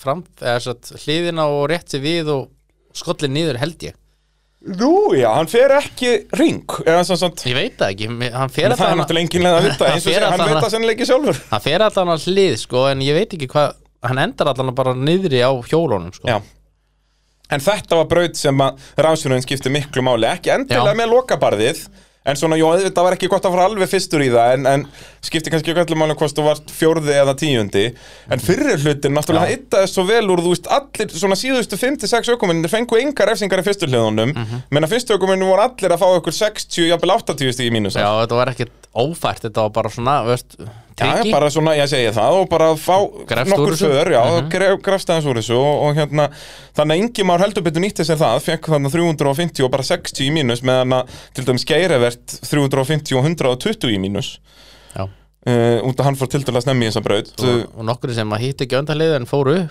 Já, en svo náttúrulega skúli á Simba, Já, hann fer ekki þann upp nei, það og vantaði heslu munnin fekk 80 í mínus sömulegis, þannig að hann var, fekk bara 170 stig þarna uh, Þannig að hann var bara komið með 500 stig eftir uh, þessar fyrstu tvær brautir en það hjálpa hann náttúrulega að hann var var hann ekki með besta skorið úr tímabrautinni, eða næst besta Það verið gerivert var hann ekki Mm. Geiri vart með besta skorið, hann var 340 skúli 330 og hérna en það hjálpa honum þar já, góður árangur í tímabrautinni, þannig að hann var ennþá alveg í slagnum, var bara 80 stigum á eftir en, en svona miðað við hvernig dagurinn þróaðist einhvern veginn skúli var alltaf chasing, skiluru Já, já, það var alltaf, já, eldandaldi og hérna uh, og var dottið niður hérna í sjötta sætið uh, Aron Ingi hann flög hérna upp uh, vissulega með 140 í mínus uh, og svo voru í rauninni, já þarna sá maður í rauninni allir sem að ekki komist upp fyrir utan skúla að þeir raða sér hérna bara í nýjunda sætið og neðar Já, að að þetta var fljótt að gerast þarna í rauninni út af það, þetta er náttúrulega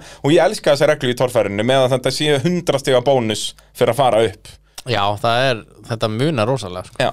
en þú veist eftir að breyta því eitthvað, ég fílaði þetta geðið mikið Mér finnst það fínt sko að það bara það eiga að vera alvöru velun fyrir að komast upp Já, veist, þá færðu allavega veist, að fáu menn til að reyna allavega og bara, já, og bara þetta ég man bara eins og svekkjandi að ég man komast eins ekki og í gamla dag þá menn voru að fá 300 stiði fyrir alltaf leið svo fóru menn sko, þú veist, bara með framdekkinu gegn þá fengu við samt 280 sko. Já, já, bara þannig að það skipti var engu engin máli. skipt engu máli sko. Nei, nei. já, og þú veist eins og það er alltaf frekt hérna í Jósastalnum, hvað var það, 95 Þegar Gísli G fer, þú veist, upp Já, með já. afturdekkinu gekk fekk 295 Já, já. Hann tapaði 5 stigum á því, að, að, þú veist, ef hann hefði farið upp á keitt í burtu skilur þá hann fengið 300 Já, En já. hann fekk, tapaði 5 stigum já, já, Þú veist, sem er gett cool, ef þú horfir, já, afturdekkinu er komin í gegn 295, þetta er Mhm. Já, geggja já. En þú veist, þetta meikar engan sens en uh, öllu ætti hann bara að horfa inn að fá 250 fyrir lengt, Já, sko já, og ég- 100% En þarna náttúrulega eins og reglundar núna hafði hann sennilega fengið 300 og afturdekkin voru komin í gegn Já, líklega, En ég fíla það líka já, Mhm. að að ef þú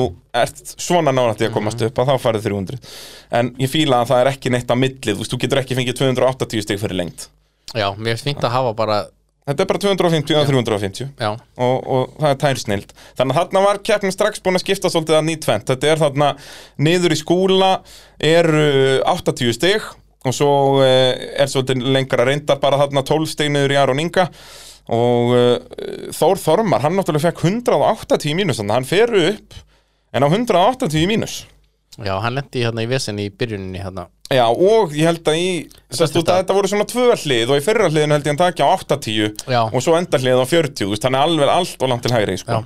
þannig að Þór Þormar kannski tölum aðeins um það bara ekki búið að vera hans tímabil Nei, ég sko, ég held að reynilega, veistu, ef þú ætlar að vera í topparóttu þá verður að keira einn á bílum Já. ég held að það sé mjög veistu, mér finnst samt geggja að þeir sé að skipta þetta er snild, þetta er Þetta er árættavænt bara rosalega skemmtilegt bara fyrir liðið og þá og allt þetta Já. En náttúrulega ef- og líka náttúrulega bara fyrir Þór þú veist, að þakka svolítið fyrir sig skilur, Já, já. þetta er allt Þeir eru fólk sem er búið að steyðja hann ekkert eðlilega mikið í gegnum árin sko. Já, já, bara hjálpa hann rosalega þannig að En ég held að það, það er eiginlega bara ekki hægt að vera í topparóttu nema og sérst bara einn á bílum sko. Já, já, sérstaklega Þór og þú veist, bæði ægir og finnur þeir eru alveg jafn viltur og Þór sko Já, já, og Raptorin virðist líka alveg vera aðeins brottættari heldur en kortrengurinn mann finnst það svona, það er alltaf einhverju brotnir öxlar og já, þú veist eins og mjög besta dæmi um það bara lokabrautin á örundi hann er bara keirur brekku og dekkið eftir af já, ég- það var einhver, við veitum hvort þessi satt eða ekki en þeir glimtu að herða eitthvað þetta var, Þulurinn sagði það allavega, ég það veit ekki hvort var þeir satt ekkert eða ekki inn í felgunni eða ekki, er þetta ekki, þetta voru bara slitnir boltar eða brotin felga eða ekki það hann var ekki, hann tók ekki diskin eða allt með sér eða það, Ég held ekki, nei, ég held ekki, mér síndist ekki á okkur myndum annars sko nei. Uh, en ég er svo sem ekki með það á hreinu þannig að ég held að þetta hafi verið slitna boltar eða, eða brotin felga Það sést vel í GoPro GoPro vilin hjá mér Já, er það ekki? Og þú varst náttúrulega með GoPro bara í öllum bílum eiginlega Þetta var rosalegt Já, Allavega að slatta bílum Já, er það ekki, hvað, einhverju sex bílar? eða Sjö eitthvað? bílar. Sjö bílar Okkar allar besta ágúst að græja þetta, er það ekki? Heldur betur Oh, what a man uh, Og það er líka líkil atriði fyrir þig Þú getur ekkert verið að vissanast í þessu sálfur Nei, Þú verður þetta að er hafa ekki- einn, einn GoPro-mann á Þetta stanum er allt annað sko Þetta er sko og líka aðstofumenn skilja legar að hugsa um eitthvað allt annað heldur en eitthvað GoPro vil í bílum skilur Já, þetta var, þú veist, eins og á hellu, skilur Þá varst um jafnmarga vélar en fekkst eiginlega ekkert úr þeim út af því að það var aldrei kveitað þeim Já, Eða þegar veist. það var kveitað þeim að þá var bílinn inn í servis Já, eða eitthvað svo leið sko þannig að veist, Það er eiginlega líkilega, það verður gæja að vera í þessu bara Já, þetta er, þetta er algjör snild sko En ve- ve- veistu hverju verður með þér á Akureyri eða? Hann allavega var að pæla að gera þetta aftur Já, geggja, Og það Akureyri er líka- ágúst er líka mistari sko. Akkur er líka svo þægilegt í þessu því að veist, þú ferðar inn í breytina á sama stað og Já. kemur úr hún á sama Þetta er stað bara veist. Svo þægilegt svæði Og Líka, þú veist, hvernig þú getur verið fyrir serviskrúið að verið í Já. pitt og geta fylst með allir keppni Já, já Þetta er bara, og, þú veist, svæði og þeir halda áfram að byggja kappatsusbrautir þarna út um kvippin og kvappin, sko, þetta er svo, er svo geggjað motorsport svæði hjá þeim, sko. Svo er allegórsbreyta á leiðinni Ég veit að ég get ekki beðið eftir rallikurskeppni þarna, sko, þetta verið veistla Þetta er náttúrulega vestla tvær helgar auða, fyrst torfara og svo rallikost helgin eftir, Bara bing, bara boom alltaf gerast Það er allt að gerast, það er bara nákvæmlega svo leist Og svo- svo... Vest með ég held að ég missa rallycrossin Ég hef verið í hérna jepparallinu Já, Verið að mynda það, búin að gera dýlri þá um að að mynda það Þannig að- að ég bara treysti þér fyrir þessu Verður þú svo- ekki á rallycrossinu? Jú, jú, svo er, svo er krókurinn rallið hérna helgina undan torfarinu þannig Já, að ég já. er sko að finna mér leiguhúsnaðið á Akureyri bara Ég held að það sé eina vitið sko, að vera á Norðurlandinu hann Það annað væri fáránlegt Það er líka alltaf sólaðna þannig að það er alltaf leið Alltaf rjóma blíðan, það klikkar ekki sko Herðu, braut númer þrjú Mhm. Það var áhugaverð braut því að þetta, hún var tildulega greið fær Það- Mhm. Lokabarðið ekki svo erfitt en mjög trikki braut á styggur Já, þetta var svona Mér finnst þetta skemmtilega brauti svona, þetta er svona stíkukeppni Já, já. Stíkubraut segi ég Og samt alveg skilur, menn voru að fljúa upp, þú veist, það var alveg tilþrif Já, já. En þarna, þú veist, eins og ég var þarna í S-unu mínu í útsendingunni, sko Ég er svo mikill stiku pervert, sko Já, já, Ég elska að vera að pæli þessu, "Ah, hann er hann að taka þetta á 40, hann er 20 mínus 20, alveg, mínus 40 alveg bara brallin var, þú veist, að skipta um Já. nærbuksur hann, sko Það var rosalegt að fylgjast með þessu En, en, Fyrra barið var nefnilega aldrei svona Það var alltaf fært já, en Það var samt þeir, trikki þeir vissi ekki hvert bílum myndi stökkva, sko Já. Skilur, hvort þú tækist ykkur bara mínus 40 eða hittir beint á hliðið, sko Já, já, og nokkri rökkumir náðu þarna nánast refsu laust í gegnum uh, fyrstu, út að síðan hliðraðist þetta svolítið þegar þú kemur niður hægrið þarna og yfir veginn þurftur að taka vinstri hægri já, já en Geir Evert Grímsson, þarna er hann er hann ekki bara hreinlega aftastur í rásur Það var síðastur Já, og hann heldur betur nýtti sér það 350 og bara 20 í mínus Já, og þannig að hann hoppaði upp í fyrsta setið já það, var, það var rosalega mikill munur á refsingum bara fyrstu bílun og síðustu bílun Já, Mhm. svakalega rásröðin hafði mikið að segja þarna og, en það náttúrulega þú verður að nýta þér það En þetta loka bara var samt Þetta var ekki beint auðvelt en það voru fullt af eins og fjölnir og Aron þeir stukk, ég held þeir myndi pottið fara upp sko. með við hraðan sem þeir voru með og Já, ég það- skil já. ekki hvernig þeir, hann, þeir stökka bara upp einhvern veginn Já, það virtist vera að það vestnaði aðeins já, því fleiri sem fór í það en varð samt ekki ókleift sko, en það er Nei, eins og nei, nei. fjölnir mér fannst fjölnir vera út af að búin að vera í basli með bílinn að hann svona gaf í aðeins og snemma bara út að hann gæti ekki treyst aflinu Mhm. og svo náttúrulega átti hann sá því að hann var að fara allt og hratt og bremsar úr en aðeins og mikið já, Þú veist, já, ef hann hafði bara staðið hann þá hafði hann flogið bara til lagafljótið sko. já, já, nörglega Það er alveg, þannig að, að hann þurfti að bremsa og þá er þú veist það er svo erfitt að meta þetta, þetta gerir svo fljótt að þá Já. bara bremsa hann aðeins svo mikið og fer ekki upp en, en vissulega, jú, komist ekki allir upp uh, og nokkur þarna sem voru að snemma er ásröð í, í tómu bastli en, en stærsta fréttun og þessari braut var náttúrulega Þór Þormar já, hann, hann hérna náði ekki bara fyrsta barinn Nei.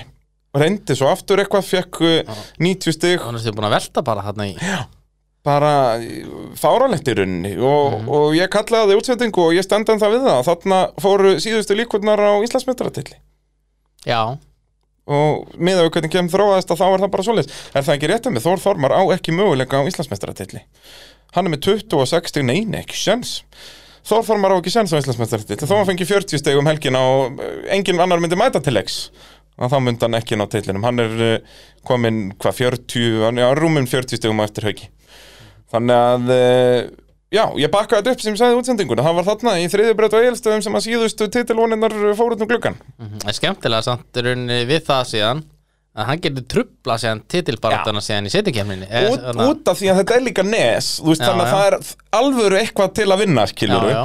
að þá mun hann og þú veist ég get bara ekki beðið eftir þessi kefni þetta er synd og skömmi að vera mikið í beinni þarna en, en beinni sjött og félagar verða flottir þarna í, í beinni Já. en þá get ég líka mætt á staðin loksins já, hann Ah. þarf að filma þá eða? já, verði ekki að gera það ég Þú- hef ekki þú- mætt á torfæru kefni bara í, ég veit ekki hversu langan tíma Já, Það ekki nógu er- gott sko nei, það var eins gott að ég rífum í gang hérna En það er samt uh, skýnt ínt að vera í stúdíónu það fer eftir hvernig veðrið er sko já, vissulega, það þetta er vestlú og akureyri það er ekki sens að vera slemt viður sko.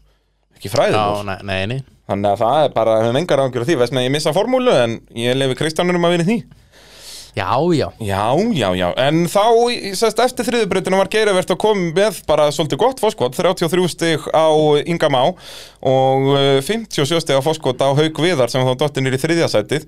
Ingvar Jóhannesson, hann er alltaf hann í toppslagnum, eh, var bara 11 stigum á eftir Hauki Viðari og svo Þorður Atli bara fjórum stigum þar á eftir, þannig að þetta var mjög tæft þarna en, en Geiravert komið með ágætis fóskot. já, Skúliði ennþá bara í sjötta sendinu Hann fekk 350 en 100 í mínus Hann fyrir til til að snemmi í þessa braut já hann fór held í Nei, hann fór ekki fyrstur Með fórn var hann eiginlega Hann ekki bara var- næsti bíl á eftir þó Hann var allavega, já, hann var Er það allavega mjög ekki? fljótlega í brutinni Ég held að bara, hann hafði bara einn för að elta Nei, hann var allan- hann var Jón held- Reynir var búinn að fara Já. þarna, Hann náði nú ekki alla leið upp en var búinn að fara alla brautina í Hann rauninni var fyrstur til að klára brutin allavega skúli Já, og það svo voru bara Svanur og Þór og Já. þeir kláruðu, fóru báðir bara hann í 90 stíin og þannig að skúli fóri á basically annar í brautina Mhm. eftir fyrsta líkin þannig að, að já, ágættan að, að þá fá það bara 100 stíð þú veist, haugur fær 120 í mínu svona Já, var grófur á stökunum þannig að, að eh, já, áhugaður staða sem var komin upp þarna fjórðabrautin, hún var geggjuð það var, já, ro, já var rosaleg það ekki eiginlega skemmtilegasta brautin á, á, í fjórðumfyrinni, semst annan daginn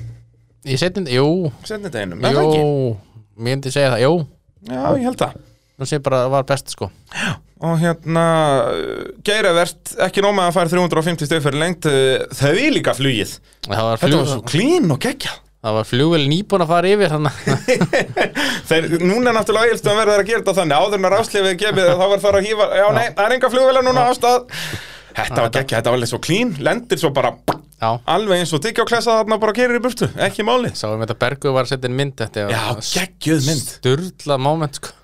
Bergur líka núna orðin hipp og cool ég sé að hann er að senda myndir sko á Facebook í einna móti einum og einhverjum sko Instagram radius og eitthvað Ah. Allt að þetta, er- gerast þetta er allt að gerast sko en uh, jú verði ég ekki að nota þessa mynd frá Berg í, í svona þömmneil á þessum þætti ég Já, held að ég verði að gera það sko Mm. okkar allra besti að hérna þetta var því líka stökki sko. geggjað Og líka hann gaf inn bara sko, bara í mér í brekku sko. Hann var ekkert að gefa inn neðist sko. Nei, nei. Þetta var bara Sjafiroffinn að gera það sem hann gerir best það er bara svo leiðis að munar um það að hafa þú veist, núna hefur hann bara allt bíllinn er að, sem sagt, hann er búin að venja spilnum fullkomlega og núna er hann með aflið sem að vantaði fyrra Já. og þetta bara leikur í höndunum á hann Já, hann er svona óöppin hann lendir náttúrulega hvað, var ekki sjötta seti tvisar sem sjötta seti já, já, hann er bara annarkvort á velunarpallið en sjötta Það er bara þannig að- svoleiðis. ef hann hefði hlumist ná annari keppni allavega í, í, í hérna hann er náttúrulega bara ótrúlega óheppin að ná hellu já, sest, í setni daginn, þú veist, út að það var ómögulegt að s- sjá eitthvað en hann bakka þarna, þú veist, að hann var að, það var að yttast úr honum, skiluru Mhm. að, en, þú veist, hefði einn annar bíl verið þarna á undan og hafði rústast þarna, þá hafði hann vitað að geta hægt aðeins á sér, út að hann eins og segja, hafði bara þurft að ná einhverju 32 hann 3 hefði sekundum. mögulega unnið keppnina bara Já, fyrsta, mögulega, fyrsta, já, hann fyrsta hefði- öðru seti hefði unnið. já, líklega með hvernig hann flöyti yfir fyrir dag þannig að hann er, þannig að þarna hafði hann sko, þá hafði hann grætt sko einhver 12-14 stig Já, já. og tekið þrjú af hauki, skiluru þannig að þá væri titilslagurinn helvítið opinn, sko já, en haukur er svolítið með þetta í hendi sér núna já, þetta er náttúrulega bara snýst um að bílinn sé í lagi þannig að það er akkurat málið og svona, já náttúrulega eins og þetta var nú ekki bílun á nei, hellu, nei, erum við svona, bara veist, tjón svona já, þetta, sem sagt uh, það sé ekkert einn vesinn Já, það er akkurat málið og hérna, en, en Geir uh, gerir þetta lista vel, fær 60 í mínus og eigur þar með í rauninni fórustuna ef þá komið 70 stig í fórskot þar sem að uh, yngvar fer fyrstur í þessa braut já, og óöppin kannski að vera fyrstur þarna Algjörlega, á svona ögur stundu hann snertir held í, snert hann ekki borðan Jú. líka fyrst og náttúrulega hitti heldur ekki á undan Nei, leiðin nei, sko, en nei. hann fór ekki einu svona upp já. Út að þá náttúrulega er líka, þetta er það bratt þarna, þú þetta sé bara brekka skiluru en það er allt lausa dæmið ofana og þá hefði þurft að byggja hraðan upp mikið fyrr og, og fer ekki hann upp, vissulega bara með 20 í mínus allavega, sem ég þótti mjög vel gert því Mm. að þessi likja þarna fyrst ég, mér fannst þetta líta ekta þannig út að þeir sem verið fyrstur í rannsóru myndu ströggla en, en Já. Ingvar greinin líka áttaði sig bara á því og gerði vel og það er öll þessi moment sem ég fíla svo af Ingvar að hann er að, að þú veist, veit, heyrðu, já, það verður minna grip þarna, ég þarf að, þú veist, einbytta mér betur, kýlur, og þú veist, og þetta er eins og við höfum séð í gegnum árin, þú veist, það eru bestu ökumenninir sem að geta tapað fæstum stigum á að fara fyrstur í braut, kýlur, já, og, og yngvar leisti þetta bara ágætlega, en, en vissulega kemst ekki upp og tapar þá talsvert mörgum stigum. Ingimár Björnsson sömu leiðis, fær bara 190 stig, hann fer hann veltir Hann veltir niður í alveg rétt, ætla að reyna að fara öllítið og langt til vinstri og kannski vantar líka aðeins meira hraða já, en kannski aðalega bara hann, já, fóru aðeins og langt til vinstri uh, þannig að hann kemst ekki upp heldur þó þriðasætunu en er komin þarna alveg 133 stigum á eftir gerivert þarna og, og skúli náttúrulega, hann fer þarna hann fer hann, þrjú, hann fær 300 já, hann fer bara upp, eða stekkur upp Já.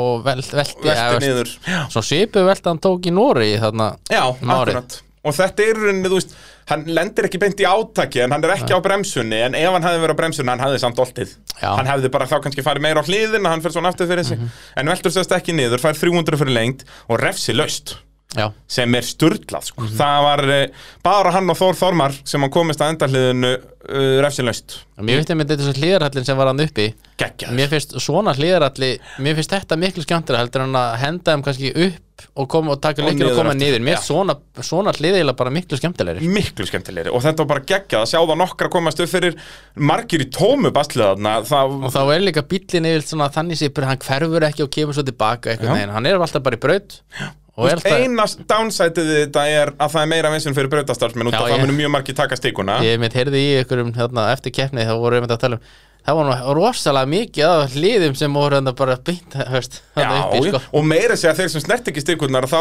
kom svo mikið að urða og Já. möðlarni yfir að þeir duttu samt sko. þetta er alltaf svakalegt að, að vera í þessu að taka stikunar um það lengst upp í brekku já, Já, þe- en þeir eru svo fljótir að þessu Já, já. elstum, þetta eru bara superhuman beings já, geggjaði sko En, hérna, en ég er svo samanlega hérna, Fi- byrjunin á þarna, þarna er ekki, þetta er ekki neitt bar, það er Nei, ekki nei. að velta það neitt, en þetta var ógeðslega skemmtilegt. Já. Og það var svo mikið af þessu á eilstöðum sem að ég fílaði mjög Taka mikið. sko svona líkjuna, eða þess að taka snúningin sko Þeir voru ekki að gera vittlisisgang eins og við þegar við vorum að leggja brautir, brauta á hellu og senda það bara upp eitthvað auðvelt og niður aftur. Já, já, Við erum allt niður um okkur í því. við þurfum að fara námskeið hjá eigastöðum Við erum að hjóli það sko. Hvernig væri hægt að gera þetta? Það þyrfti eiginlega að móka úr á hellu til að geta gert þetta og þetta Já. börðin eru svo mikil stál sko. Já, já, já. En ef þú myndir móka vel úr því, þannig að gera bara 90 gráðu vegg Já, já, já. og láta það fara þannig í hliðan Já, Það væri já. Mhm. geðvitt. Hjólum í það á næsta ári. Kári, ertu að hlusta? Við leggjum bara alla brautir alltaf leggjum bara já, við erum svo góðir að kritisera hvernig þeir gera þetta, Já. þannig að það hlýtur að vera þannig að á endanum koma þeir, gerði, gerði þið þetta þá bara fyrst eru svona sniði það verði agalegt sko, það er fínt að fá ekki reyn og eina Já, já, en þið náttúrulega samt eru með geggja trakkrakort lögðum eina braut og það var nánast en fullkomna braut, Já, það já. fóru þrýr upp já, já, tilþræðavelunin komið þar og allt til þrjá, já sé, það fóru bara þrýr upp pluss til þeirra velunin, Já, já. við erum natural það er bara svo leiðis uh, já, skúli komin upp í fjórðasætti þarna yngvar dotti niður í það fymta Palli Rolla þarna byrjaði hann heldur betur að vinna sig upp listan komin upp í sjötta sætti þarna, fekk 350 mínus 80 eh, komin upp fyrir Aron Inga sem var þarna eins og ég segi hann var bara í sinu sjöunda sætti nánast alla helgina Já, já, svona fór aðeins upp og niður uh, milli brauta uh, þá er það fymta brautin en við verðum samt að verðum ekki að tala um Svan Ég skil ekki hvernig Heyrðu, hann já. fór ekki Ég held pottið myndi fara hann niður sko Já, það, það var bara svona einhver ö, auka skál sem að tók á mótunum Þetta var rosalegt og sérstaklega eins og í útsendingunni þegar maður, út af vélarnar svolítið langt frá maður vissi ekkert nákvæmlega hvernig þetta láð þarna en neina, hann bara svona keirir hún í einhverja skál og upp úr því, hann bjóð til bara sína eigin braut og þetta var alveg hörku bar sem hann þurfti að keira þarna upp Já, já, sko, skálinn, ef hann hefði farið niður Þetta hefði getið verið smá bratt niður Já, er það svoleiðis? Já, Þetta út er af- bara, þetta er bara svona niður já, sko. þetta er bara 90 gráða niður Já, Já, já Það það er eins gott að bremsanar virkuð það er sko komið tími til að Svanur sé fyrir svona þrem árum þá hafði hann farið niður út af því að það var eins og eftir bandaríkin og Já, svo vestan í nákvæmlega. bollin og Það er nákvæmlega, hann er aðeins að róast já, En það er samt komið, ekki, hann röraði í þetta maður djöðis veistla það er komið tími á að hann fái smá hefnina með sér Já, það er svolítið, já, það hefði verið svakalegt Ef hann hefði verið byrjaðar að bremsa og hossast niður, það hefði verið agalegt já, þetta, ég, ég var svo fegin hann hafði ekki farið hann niður sko já, Já, já, það, ég áttaði mig ekkert á því úr, í beinútsendingunni Þá var þetta allt bara einn malabrekka fyrir mér þetta var bara þreir nýft niður sko Já, það er rosalegt En síðan keira hann hann bara upp eins og fýtt maður já, já, En hvað, það voru nú einhverja fleiri veldur þarna Þegar heyrði ég að við þurfum Já. að tala um Þórþormar Tjóðvöld að fyndi, var það ekki Palli sem postaði Þórfóra áhuga menn Jú, jú, jú, jú. ég, út af þess að Þetta var alveg svo hellun En hann var bara lengri brekka Hvernig hann svona skrýður niður á bakinu já, já Þetta er alveg stór, það hefði verið langfinnast ef hann hefði náða að bremsa neðst og lent bara á hjólunum og kert í burtu já, það En sé- það sé hann alltaf haugur haukur, já, það var náttúrulega og þarna kom náttúrulega upp uh, atvik Já. með að, sem sagt, uh, hann fer hann upp á, lendir á framhjólunum Já, bara svona á trínunum, mjög svipað á bara þóra hellu í rauninni Já. Nefnum hann getur ekki bergað sér út úr þessu út að það er bara hann að barð sem tekur við í rauninni út Mhm. að þegar hann lenda á svona vegi Þannig að hann fer í barðið og veltur uh, Dómar, ég, í útsendingunni held ég að hann myndi bara fá 300 fyrir lengt Þú veist, í útsendingunni leit þetta þannig út Mhm. En ég er náttúrulega ekki með þetta profílskot, ég sé bara aftan á þá já, já, og þá svona held maður að ok, en veldur þá er þetta 300, en dómarandi gefa hann 350 út af því að þeir meta skilur að þar sem hann lendir, vegurinn er það breyður að hann uh, er komið bílendin í burtu áður en að í rauninni velta hann á sér stað sem að er þá veltibúrið að snerta uh, síðan er þetta tekið tilbaka eftir keppni uh, sem sagt uh, dómararnir uh, þeim snýst hugur og, og hérna hann fær 300 fyrir lengt og þá reynur hann náttúrulega út að slagurinn er svo harður, reynur hann úr þriðasætti niður í það fymta uh, Haukur látin vita af þessu auglöslega ekki sáttur, vill láta skoða þetta betur og þá fer bara dómnefnd í því að, út að þá er það ekki raunin dómaranna að veinsanast í því, dómnefnd fyrir það og snýr þessu svo aftur við Já. út að þá var það, þú veist, þegar var búið að mæla þetta allt út, mæla bíllengdina sjálfa og jæri, jæri, jæra, að það var þetta rétt hjá dómurunum í fyrsta skiptið, að að hann var komin bíllengd en munaði vissulega bara einhverjum sentimetrum skiluru, já, já. en þannig að, að Já, í rauninni fyrstu dómur var alveg réttur og svo Já. bara fór þetta annað fram og tilbaka eftir keppni en, en eh, ekkert, ekkert meir um það að segja svo sem nei, nei, að, hérna, en, en svakaleg tilþrif samt hjá eh, Hauki og heldur náttúrulega betur maður mesta drama var út af hvað hann brýtu stýristjakkarna þetta var ekki, ég Já. Mhm. held að það væri bara stýrisendið þú veist, út af hann var ángiður bílinn, þá var það svona klassíkinn sko, Já, já. en tjakkurinn fer þá fær hann marg notaðan tjakk frá Þóri Þormar þetta er svo sami tjakkur og Þór Þormar lánaði Gumma Elías á hellu Já, þannig að núna er hann búin að vera undir þremur bílum að þessu sísoni, nei sennilega bara tveimur út af því að hann hefur aldrei verið undir bílum hjá Þór actually. Nei, nei, Hann er- þetta var alluturinn hans Þór sem hann er duglegur að lána öllum öðrum Mhm. og hérna og það munaði bara einhvern sekundum hvort hann hefði þurft að fara aftur fyrir í lokabreytinni já ég man eftir, hann kom mjög, s- eða, þú veist, hann, hann var látið vita í, þú veist, svo þeir séu ekki að röra í gegnum pittin Já, þetta er þannig, þú hefur mínúti til þess að vera bara komin út úr pitnum basically, ekki að komin í rásli Já, já, bara úr pittinum og hann held ég bara, ég veit ekki hvort það munaði eitthvað miklu en hann alltaf hann að, það var að vera að býða eftir honum þannig já, já, já, þetta Þannig að- í útlendingunni var þetta alveg og bara hann var nefnilega með þeim framalega í 50 braut minni mig, var hann ekki bara 50 í rásu eða 70 eða eitthvað, Jú, eitthvað svo hann var leys mjög framalega sko. það, Var, var, uh, það var er alltaf hann rétt engin til bara að fara. fara upp þegar áður en hann fór í brautin allavega og, og hérna, megadrama með þarna eh, hvort það myndi koma eða ekki uh, Í fymtubrautinni, þar fer haukur ekki upp og fær 100 í mínus, hann fær bara 130 stig þar Er það? Býttu, hvernig var fymtabrautin? Nú er þetta allt farið í gröð hjá mér það var þegar hérna, fór í smá hlýr allavega og þetta var mjög Já, stutt braut alveg rétt Mér þótti það alveg magnað það fór eiginlega engin Nei, braut þetta er til að sko. byrja með, þú veist, ég skil fyrstu bílan og þá Já. er bara gripið lélegt, þá er ennþá verið að sópa þess af allt rík og svona Já, en svo, þú veist, var mölin og, og rikið og allt þetta farið í burtu og þá bara reyndingin nei, nei, þangur til að Palli Rolla kom Þá hvernig Palli Rolla kom og hann, uh, hann reynir hann Það er fór, bara hann svoleiðis. fór vinstra megin í þetta Já, alveg nýtti sér í rauninni Ég held að þetta er raunglína út af því að hann fer Er ekki að nýta sér það sem er búið að sópa í burtu En í staðin er hann með hraðan Út að hann byrjar að gefa í fyrir hægri beðuna Og hann rörar þarna upp Þannig að eh, já, hann heldur sjötta sætinu En er þá búin að minka bíli helling Þá eru bara komin 16 stig í haug þarna Því að haukur hrinur þarna niður í fymta sætið í, í fymtubrautinu Því að hann fer ekki þarna upp Ingi Már sömulegis fer ekki upp En uh, Ingvar uh, á vikingnum, hann fer upp og er þá komin upp í þriðasendið já, uh, og Skúli og Geirivert fóru báður upp, Skúli refsi laust, geggjaðrakstur hjá Skúla já Geirivert fór vinstra megin líka og skúli Já. fór bara beint í þetta Já, það voru það allir búin að fara vinstra megin, Já. sko og Skúli eins og hann er bara, nei, Gekkja, sko. ég ætla bara að fara þetta refsi laust hann bara gefið í og svo bara stekkur hann upp og svo ekkert hafi verið eins og ekkert ma- vandamál sko. þú veist, hann reyndi þetta náttúrulega þarna fyrir daginn og þá klikkaði það í, Já, já, já. var það í fjörðabrautin þarna sem ægir veldur í Jú, jú. Já, þá reyndi hann að fara beint í það og það klikkaði þá myndi maður halda hann með, þú veist, væri búin að gefast upp á því að nei, hann bara fer upp og bara, svo áreynslu laust þetta var svona Já. klassískur skúli þarna já, já. Bara bara, gera þetta akkurat rétt, af, rétt í hraðin og hann bara fyrir, hann er ekkert að stökka ógeðslega hátt, bara nógu hátt og fer bara upp og fer bara upp, bara eh, hárrétt inngjöf og allt þetta, eins og ég segi bara klassískur gúlið þarna við höfum oft talað um þetta með hann en náttúrulega út að haukur viðar var í öðru seti fyrir þessa braut eftir nýri fymta, þá er geirivert að auka fórskotsittirunni, er komið Já. 110 stiga fórskot fyrir lokabrautina þannig að var svona nánast með þetta í hendi sér fyrir, fyrir lokabraut, en þetta getur allt gæst í þessu lokabröðin er þetta gaf svona möguleikan á að vera með refsistíks þannig að það var Já, svona já. allt opið sko. algjörlega, út að þetta voru tvö hlið upp á topnum skilur og þá er alltaf getur fengið þú veist, 8-10 já. á fyrri og... og fyrir, fyrra bara var ekkert eitthvað auðvelt að fara eitthvað refsilöst held ég Nei, út að þeir þurftu, það var auka hlið neðan þannig Já. Mhm. að þeir þurftu að fara að ská í það þannig að það var svolítið mikið svona happ og klappa hvort, að, Já, já. hvort það kemist í gegn eða ekki þannig að, að eh, já, bara virkilega skemmtileg braut og ég vil ekki bara skella okkur í hana jú, jú, jú, uh, Svona, hvað Palli fer til dæla snemmi í hana hann var fyrstur að klára fyrstur að klára og Fyrstur að velta. kláraði með stæl valt Fyrstur að velta. þarna eftir endarlið þá kemur svona brött brekka niður og þetta leit náttúrulega alls ekki ill út sko út af því að þú veist bæði á þér og hjá mér þá þú veist fer hann út úr skoti veltur niður og er á leiðinni framfyrir sig sko og það er náttúrulega yfirleitt vestu velturnar Mhm. en uh, allt í góðu með Palla hann kom hlaupandi yfir, yfir brekkuna og, og allt í góðu með hann og ég held að hann fann nú eitthvað smá fyrir þessu ég myndi halda það að þetta svona- reykir vel í beltin en svona já en uh, slapp veltibúr og svoleiðis, veistu það? Mm. það bók, e, jú, ég held það en það var samt alveg smá svona sá á von á hérna plötinu uppi sko Já, já en ég held að Veltebúr hafi verið í lægi alveg sko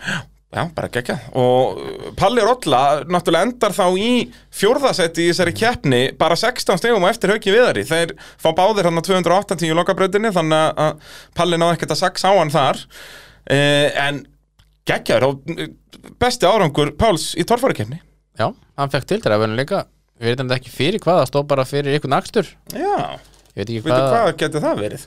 Ég veit það ekki og þegar hann velti í sístu bruttinni og velti Já. í brutt 2 þannig að nema Kanski að þeir bara gáðu hann fyrir braut 2 út að það er ekki hægt að sanna að hann velti Já, já, Ef einhvern segir, "Bíddu, ha, hann velti, já nú sanna það fyrir já. mér Ertu með vídeo af þessu? Já, þú veist, það voru þrjár myndavelar að taka Já. þetta upp eða kamerur sem sagt Og og það enginn er, á þessu. það er engin með mynda honum að velta Já. Það er bara, þannig að það er ekkert hægt að sanna það en eh, já, bara geggjuð helgi og lofar góðu ég býð spenntur eftir palla á Akureyri Já, mér finnst hann keirir að bíli bara virkilega vel Hann allar eitthvað að breyta honum held ég fyrir Akureyri þannig að ég býð spenntur eftir honum Akureyri sko.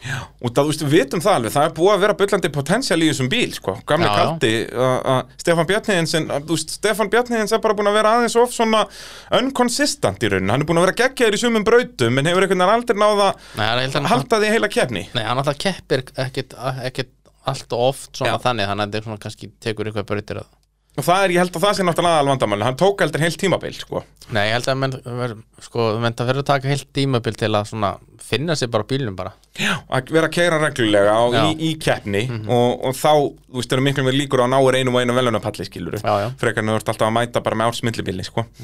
en, en já, bílinn lofa góður hjá Palla það er ekki nokkur spurning uh, yngvar eh, endaði þarna 50 í sem sagt, þessar í, í, eftir bráðabera úslit í þessara braut en þarna var aftur, honum var gefin eitthvað aðeins og mörg refsistegið það ekki Jú. þannig að því var breytt, endar hann ekki jú, herðu, já, yngvar endar fjórði í keppninni þannig að Páll nær ekki sínum bestum úslitum í keppni, hann er bara að jafna þau Jú, hann hefur hann á fimmta sæti áður Já, náði hann ekki fimmtasæti á Blöndósi jú, var, einu það sinni ekki, var ekki þegar hann velti þarna Jú, mér minnir hann að verið fymtið þar Þannig að Palli náði að jafna sem besta árangur mm. Ásækja þetta, hérna Út að Ingvar, já, fekk, of, var gefin ómer grefsistig sem var það breytt eftir keppni Þannig að Ingvar fer upp í fjórðasæti Þeir eru í fjórðasæti báða Mhm. Já, dagana og, og er hann ekki bara einhver, nokkur stigum eftir haug í þriðja? Jú, maður sjá, sko, Hann var þetta 16, er bara hvað var hann eftir? 12 eftir Ingamá Hann er 16 Já. aftur í, í, Sem sagt, eh, nei, býtu, maður sjá Hann er, hann er fjórum stigum Já, eða það á eftir, nei, býtu, hvað er ég að gera? Hérna er Páll, hérna er yngvar komin upp í, ég, nei, ég sé það ekki. Jú, hérna sé ég það. Yngvar 11 stigum á Já. eftir.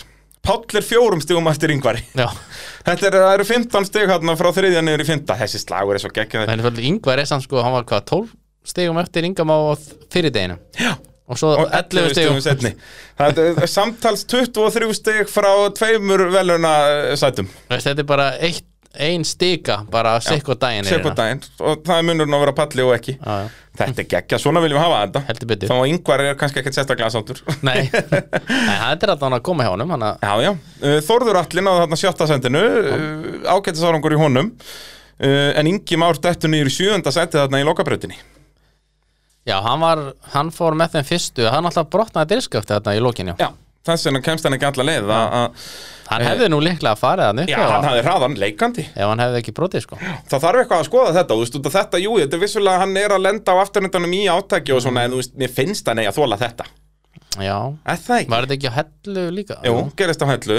Þá það var, svona, það var minna Já, eiginlega, sko, það, það ekki, ég hugsa þér þurfi aðeins að endur skoða þetta eitthvað, að endur hanna þetta, að, að hérna, Þetta var aldrei að gerast hjá ásæða það nokkuð Nei, ekki mikið sko, en ég man svo sem ekkert eftir neinu svipuðu höggi skilur Nei, nei, nei, nei, nei. og það auðvitað er þetta slæmt högg þegar þú lendir Já. hratt á afturhendanum og fer í fulla fjöðrun í rauninni á- í, í átaki Mhm.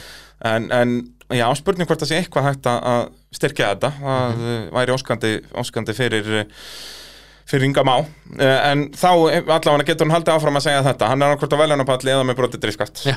það, er, það er bara svo leiðis en svekkjandi að enda sjöundi þarna því að þá er hann núna orðin talsveitland á eftir Íslandsmótinu sko. Já, en uh, síðan eru þeir á veljónapallinum haukur viðar uh, endar þriði uh, og svo skúli og geirevert uh, nær sínum fyrsta sigri á þessum bíl já, og hvað er ekki bara annar sigur hans Jú, annars Sínu sigur ferli? á ferlinum eh, búin að þurfa að býða núna í, í þrjú ár vann á hellu 2019 uh, Mhm. Já. Mhm. tekur sér náttúrulega pásu í torfarni 2020 var á velunapalli hvað í fimm sinnum í, í fyrra eða fjóru sinnum Já, fjóru sinnum af sex og, og uh, svo núna tveir velunapallar Já. og þar af eitt sigur Já. þannig að bara, og þetta sanna það Geirivert er bara, hann er alltaf í toppslagnum það er bara Hann- svo en núna er bara toppslagur orðið það harður að minnstu mistu hvað hann er dottinir í sjötta sko. Já, það er svolítið maður svo sá það aldrei eða maður hefur séð það bara á þessu tímabili bara og hérna uh, virkilega, virkilega spennandi Steini Bjarnar, hann uh, hætti keppnið þarna, var í hverju vesinu með vélina í bílnum hjá sér Já, þá, man ekki, hann fór í fjórðubraut Já, svo hætti hann, hann Það tók kom einhver- ekki síðustu tvær Kom ykkur reykur allavega Þannig að hann tók í raunin enga sénsa með, með vélina uh, Já, þá held ég að við séum svona tiltölega búin að fara yfir alla, alla keppendur og, og allar brautir Já, uh, þetta sé ekki neitt eitthvað svona Eitthvað sem stendur upp úr uh, Við náttúrulega þurfum líka að heyra eins í keppendum Já, Er það ekki? Þetta er allt saman búið eh, að vera í bóði Ólís og uh, tækjaflutninga Norðurlands að sjálfsögðu.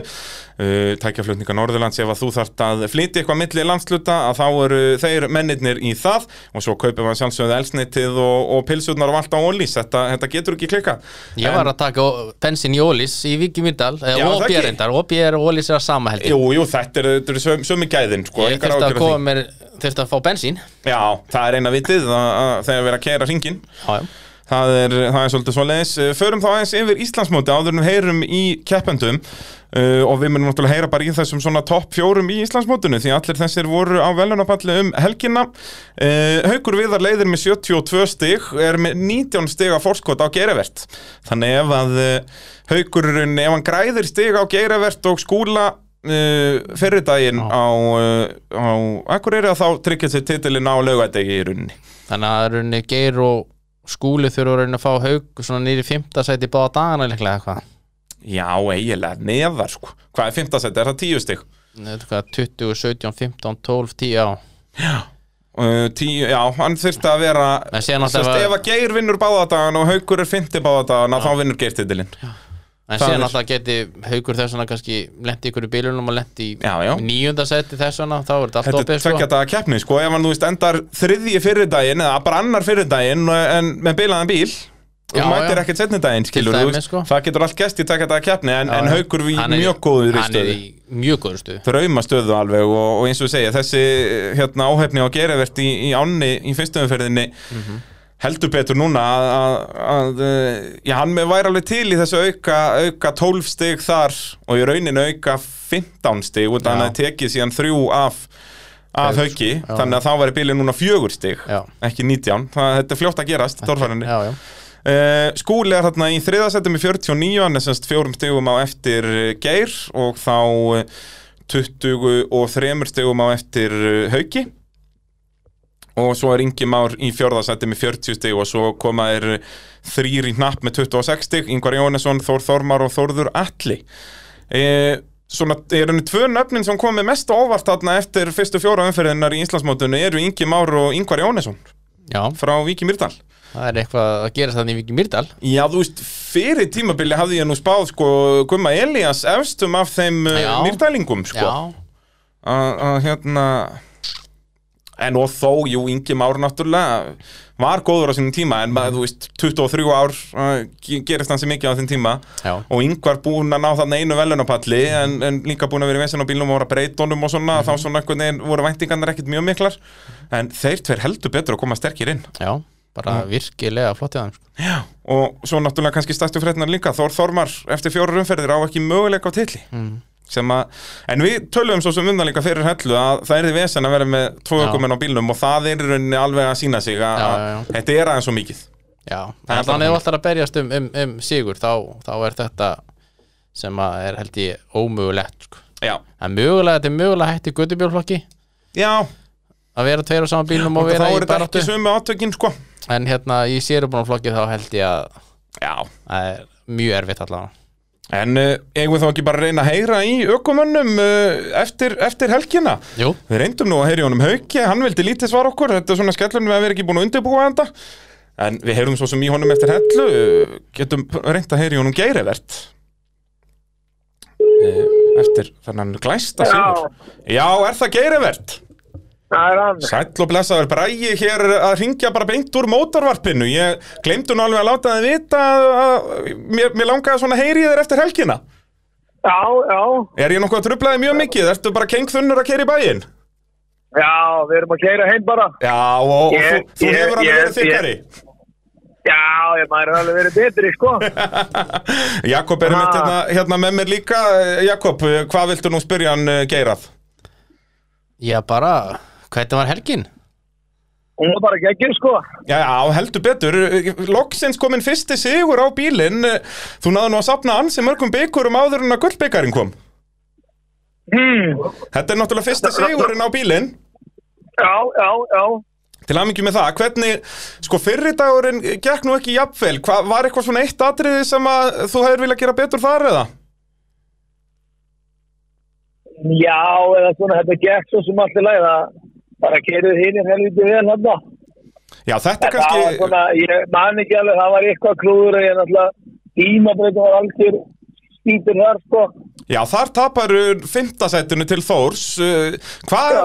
hva var það? Þú ferð þarna svo langt til hægri til að byrja með onni í eitthvað, eitthvað svona lítinn poll þar og, og allt Já, í steg? ég var, ekki- ég var ekki búin að skoða, skoða það nógu vel, vissi ekki að það væri, væri eitthvað pollur þar og neldur þar og hann í og Já, akkurat, það voru akkurat. eitthvað neginn og ætlaði maður að reyna þá að ég sko bæta það upp og þá keirir maður alltaf ráða þá ræðir maður ekkert við upp Nei, nei, nei, það nei. er bara eins og eili Já, það, þetta er svona ólíkt þér, þú ert nú yfirleitt segur í, í tímabröðunum, já, já, en þú bætti líka upp, upp fyrir það uh, á, á degi tvö.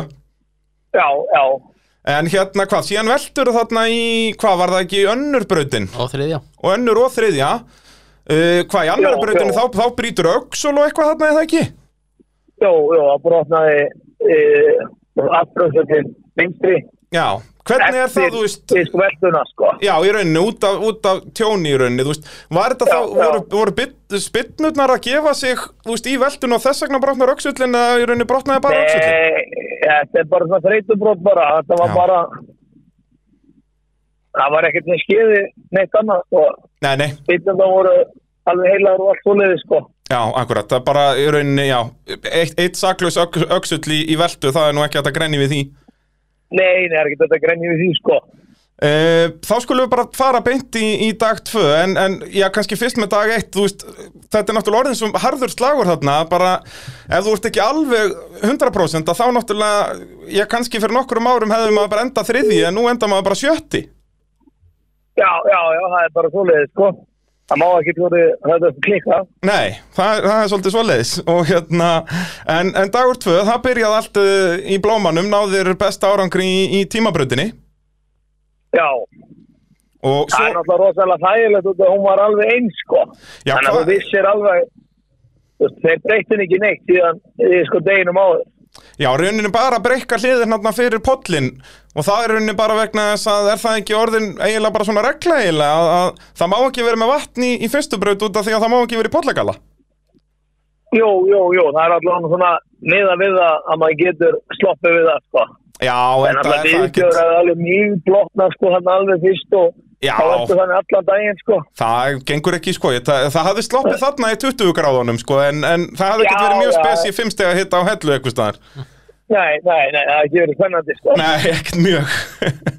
en hérna, síðan er þetta í rauninni svona þriðja brautin sem að þú tekur svona nokkuð afgerandi fórustu, þar ferðu nokkuð aftarlega og, og nýtir þér það bara í rauninni að, að tekur, hvað, ferðu ekki bara einhver 30 refsisti held ég, meðan að flestir voru að fá hann einhver bara 100 í mínus eða eitthvað. Jú, jú, ég held að það verið eitthvað í kringu það, sko. Já. Og þú veist, f- er þarna líkilatrið meira bara þú ert búin að vera að sjá aðra fara í brautina eða þú veist, skoðar þessa brauti eitthvað ekstra vel eða eitthvað svoleiðis? Ég, ég skoða hann reyndar ekstra vel, sko. Já, út að þú Ég veist, gat og áttaður bara- á því strax um morgunin að þetta yrði svona stikubraut Hmm. Áttaður því á því hérna strax um morgunin að þetta yrði svona í rauninni refsingabrauti og þetta yrði kannski ekki svo krefjandi en yrði leikið latrið að fá fáa refsingar Já, já, og já, þú heldur betur Ég- nýttið þér það og, og já, tekur fyrsta setið já. Það er, já, þetta var hann að, einhver hlýðar hann að mann, þar voru tvö hlýð, sko. Já, Og, og, og svo voru við líka búin að sjá það, það var eiginlega bara þetta fara upp og færi raunin sko framfyrir, ekki sko beint á þetta hlýðið. já, akkurat Vinstra megin upp, eða þess að fara á, þú veist, ská í þetta. Já, Við vorum búin að sjá það, sko. já, að fara, já, akkurat, akkurat uh, Og síðan í rauninni spilar bara svolítið á forskotið það sem eftir er dags í rauninni það er rauninni, þú ert ekkert að tapa og þar að stegum náttúrulega haukur fær svolítið mikið að refsingum hérna í hvað fjórðu eða fimmtu brautinni 50 já, þannig að þá ertu komið með þarna alveg já, rúmlega 100 stega foskot fyrir loka brautina Já, já. Já, ég held ég að vera með 110 stefn fólk fyrir fyrir hanna Já, það er uh, á, hann rétt. á í rauninni skúla sko Á skúla þá, þá er skúli komin upp í fyrsta eftir, eftir geggja rönni í fymtubrautinni. Skúli eini sem að fær 350 FC laust þar. já, já, Uh, hérna, uh, sem sagt, þú ert alltaf með stöðun á hreinu þegar það ekki yfir daginn. Þú ert ekki svona einn af þessum ökumunum sem að vilt ekkert vita. já ég, ég setja nú reynda núna sko Já, akkurat. En ertu, hvernig, þú veist, finnst þér þetta í rauninni ég skipta litlu máli? já, ég vil, ég vil ekki hafa hugmyndum þetta Já, það er svo leið. Þú Þetta er vilt, óþægilegt. vilt vera bara blindur og bara einbytta þér að þér í rauninni. já, annars kemur eitthvað svona annars er maður að spá alltaf mikið í þessu og og það er maður að kýta í sig sko Já, akkurat, akkurat. en ég meina, það er, sem sagt, það eru svona þessar tvær típur í torfærun. Aðrir vilja hafa þetta alveg á hreinu en svo vilja sumið bara sjá um sig svolítið. já, já, Og hérna, en það þýður allavega að þú ert núna hvað 19 stigum og eftir hauki fyrir Akureyri. Þannig að þetta er alveg svona, þetta er starffræðilegur möguleiki en, en það þyrfti í rauninni bara eitthvað að gerast hjá hauki. já, það er eiginlega þannig sko En það er náttúrulega samt að skemmtilega eins og núna við Akureyri út að þetta er fíja nesmót að þá samt, þú veist, þú hlýtur að hafa alveg fullt svona motivation til þess að vinna út af því að þó að það er kannski ekki mikið með sens á Íslandsmeistaratitli að þá áttu náttúrulega sens á, á Norðurlandameistaratitli. já, já, já, já, já Þannig að þetta er svolítið vinn-vinn dæmi þar að, að sest, ef þú vinnur uh, á, á Akureyri en vinnur kannski ekki Íslandsmeistaratitlin þá vinnur allavega nesið, sko.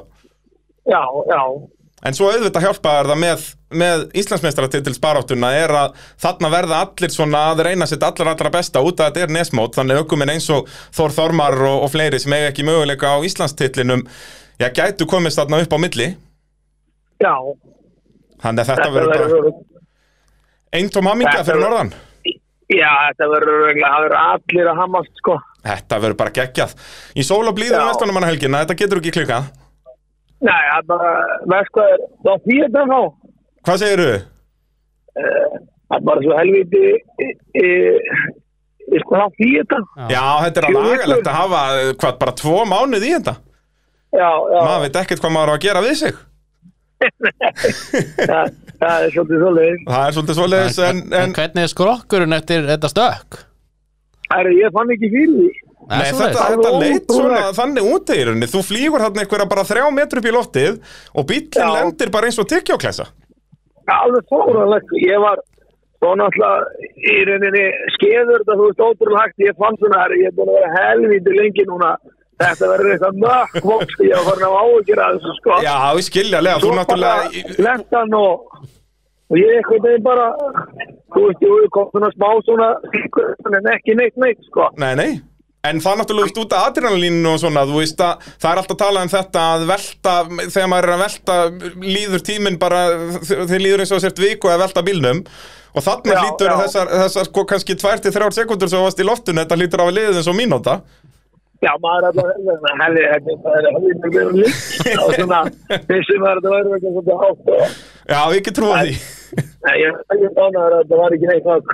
Já, já, þetta er bara geggjað og já, bara til hamingi með segurinn í, í gær og, og hérna, bara láttu þau batna, stoppiði bara ólís og kaupiði smá powerade í kallinn. Já, það var bara góður. Ah. Herðu, takk kærlega fyrir að heyri okkur og, og við verum í Já. bandi. Já, endilega, okkur það. Já, já, ég geir evert okkar allra besti. Síðan sá ég sko meðan að við vorum að tala við hann að þá var haukur að heyri í mér tilbaka sko, þannig að nú hljótum við að geta heyrt í honum. Já, Nefn að við séum að fara að spila bara, hvað er þetta kallað á ennsku? Phone tag. Það er menn ringja og enginn svarar. Má við sjá, hvar er hann hjá okkur? Hann er hér. Áttum við hvort að eh, þetta gengi betur í, í þetta skiptið. ef ekki þá bara Nei. Já, þá bara því miður verður hann ekki, en hann líka vann enga keppna. Hann var bara pallið tvo daga, sko. En hann er fórustur í Íslandsmóti Það er rétt, sko, við verðum að heyri okkar manni.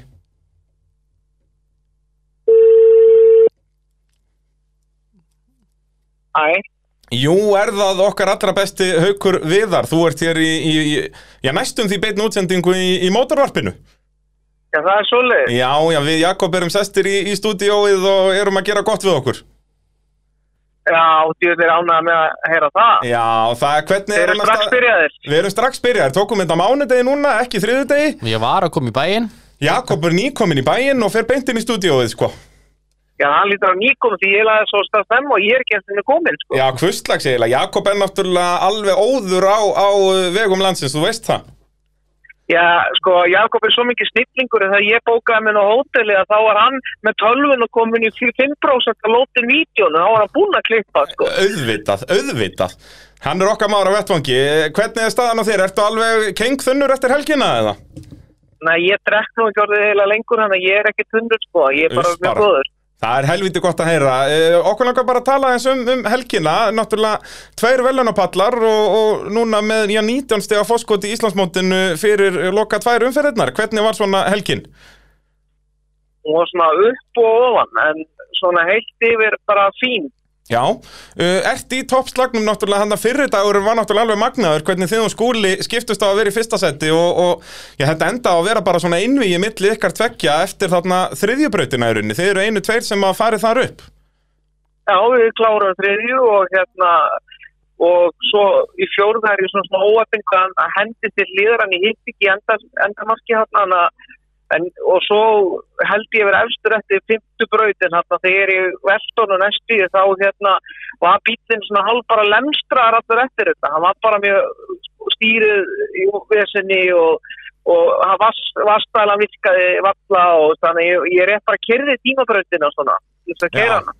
En hvernig þú veist, varst þú bara í skroknum eftir þetta? Þetta er náttúrulega svakalegt högg ég fann ekki fyrir neinu nema bara svona smá í enninu þar sem hjálmurinn það tóðar svolítið mikið í hansbúnaðin þannig að hjálmurinn tóðar í- svolítið í ennið á manni og það dömur í enninu en það var eina sem ég fann fyrir eftir þetta. Já, ok, það er, já, allan örgisbúnaðurinn að standa fyrir sínu, það er nokkuð ljóst Ég er bara alveg 100% sko. En, En- ég var mér fegin að ég náða spólunum áfram því ég ekki vil enda á toppnum þarna því ég veist að það hefur orðið mjög vont. sko. Já, að, að hanga þarna eftir þetta hefði ekki verið skemmtilegt Nei. Það er, það er svolítið svoleiðis, en hvernig, þú náttúrulega ert að reyna að bjarga þér út úr þessari veltu þarna og, og þá fer skíturinn í viftuna, hefði ekki verið best að bara standa á bremsunum og leifunum og rúla niður? Nei, ég er nefnilega þessi svo vont að lenda á toppnum. Það eru verstu höggin á veltibúrin að pompa svona á þakkið sko. Já, vissulega, en ef þú, ég er að tala um í rauninni fyrr, sko, það er náttúrulega mjög, ga- mjög gott að vera gáðar eftir á og horfa bara á sjónvarpið og, og krítisir ykkur aukumennina, sko, en ef þú hafði bara, sko, þegar þú ert komin á hlið þarna, búin að missa stefnuna, ef þú hafði bara þá staðað á bremsunni, þá hafði hann bara rúlað eitt ring niður, sko, en, en vissulega þegar þú ert komin niður brekkuna, þá hefur eiginlega þurft að standa hann, eins og þú gerðir. Já, já, ég man ekki deil eftir þetta gerir svo hratt að án ég vissi að þá sá ég bara jörðina og þá gaf ég allt í botn og Já, já, og þetta er náttúrulega líka, þú veist, út að ég get sittið hérna og sagt, að þetta á nú ekki sniðust hjá þér og jæri, jæri, jæri, en þú veist, það er náttúrulega, það er bara gegn mannlegu eðli að vilja velta bíl, þú, þetta eru bara í rauninni automatist viðbrögð að þú vilt bjarga þér. já, það er nú svo, þú vilt ekkit velta ákveða velta, þú vilt reyna að gera allt til að forða bílnum frá því, sko. Akkurat, akkurat, skilur, þó að velta nýrði mjúk eða eitthvað, en þú veist, þú veist það ekkert alltaf og, og eins og segja, þetta er bara svona gegn mannlegu eðli að að vilja velta. Já, og svo virkaði hann rauninni líka mun meira enn í bjóst við, hann er svo rosa strækur að því ég botnaði hann þarna niðri að þá, þá er hann bara þessi vél er náttúrulega alveg eiga síður en hinn og með Akkurat, nýtró líka þannig að hún er eitthvað 1300, 1400 höstöflur hvernig hún var hann helgina, sko. já, miða við sko að þú varst bara á framhjólunum og náðið samt sko, þú náður að byggja að fara upp í svona 50 km hraða þarna eða eitthvað, bara á, á þú veist, 10 metrum. Já, já, þetta var, þetta er ókýrt að horfa á þetta. Þetta var rosalegt sko En, en já, bílinn er þá svona pínu lemstar á hann tímabrautin og þess vegna nærðu svona slöppum tíma þar Já, og bara, þú veist, já, og ég bara svona smá ójafnbæði líka eftir þetta svona, maður svona smá ringlar kannski, og maður fyndi ekki til, Já. og stressaði hvernig bílinn væri, og svo fannst mér ég heyra tikk í vélinni, þá var hann nú bara laus flækja og við þetta fyrstum hann, og hann var það hægt, sko, en að maður var bara svona smá passa saman, þú veist, ég Akkurat, hugsa akkurat okkur skipti kannski ekki öllu máli og skúli, hann myndi vinna þetta, hann var svo langt á eftir mér, Já og, ég ákvæðlega ekki að fórna mér í þetta. Nei, nei, og þá er það bara skúli sem vinnur fyrir daginn en þú nærðu öðru setinu ég næði öðru og er þá komið 20 og, Uh, 23 eða ekki? 23 og geir og 25 og skúla þannig að og Uh, saksa er eitthvað náttúrulega á þetta já, akkurat, uh, setni dagurinn að þá byrjaði þetta svo sem alveg ágætlega já, svona þangað til eftir fjóðurbröð þá svona fór að stíga aðeins á og Já, gefa liðina. þetta er í rauninni bara fymtabrautin það ekki sem þú klúrar svolítið Kanski byrjum að tala um fjórðubrautin þetta var náttúrulega svakali tilþrif þarna þegar þú flýgur upp á kantinn Já, og þegar ég lendi, þá lendir hjólið í og það er ekki oft í þessum bíl sem þetta gerist að það brotnar endin í dýrinu og beigði tjakkin og tjakkunum var ónýtt Já, þegar þegar við þú lendir á komum- trínunu, já, það er rauninni stýri sendið sem brotnar fyrst en það er rauninni út af honum sem að tekkurinn skemmist. Já, einhver hluta vegna og bó- er tjakkurinn, hann bóknar í keng og sprengir húsið og þá er að, og það er nýtt í dempara og laga allt út úr bömmstoppin og demparanum og þegar að ég hérna kem inn í pittin þá vorum við eiginlega búin að afskrifa þetta að vera bara búið sko. við Já. þá meintum þetta er engin tjakk og við vorum ekki með þetta auka tjakkin sjálfan þó eftir endana en hann var það bógin og allir vökun leikin í burta við bara vorum í ruggli en þá þá hérna fóru að tjekka það áttu í ótemmin og þakka ég minnilega fyrir tjakk sem er eftir að skila þórformari eftir hellu. Já, þá er þetta Hann- svo tekkurinn hans Þórs sem að ótímenn voru með. Já, hann að ég er brun á hjólinn snell og þeir voru svo elskulega að lána mér tjakkina þórformans þannig að ég kem að þá er henni brautin að vera búin þarna þessi fjórða og við þurfum að móka því að setja tjakkin í og það var náttúrulega svo heftilega til að það var sami tverleiki og enda til allt hössuð í hann og hann bara passaði bílinn nema festingar það voru öðru sem við kynna stuðum hann svona rétt fastan Já. og ég hafði bara þá 10 sekundur þegar ég fór í brautina og var viðkir bara ekkert loki almenna þannig að þetta er að það var hann þannig að ég ákvaða bara að máti í hann ég lagði ekki því að fara á fullu kassi brjóti þetta aftur en svo fór ég bara beint í pintin aftur og þá kláruðu þau rauninni að gera það bráðabyrðu getum ketchup brauta fúlfors Já, akkurat, þannig að þú ert að hlýfa þess út af því að þetta er bara svona hálfsvoðið.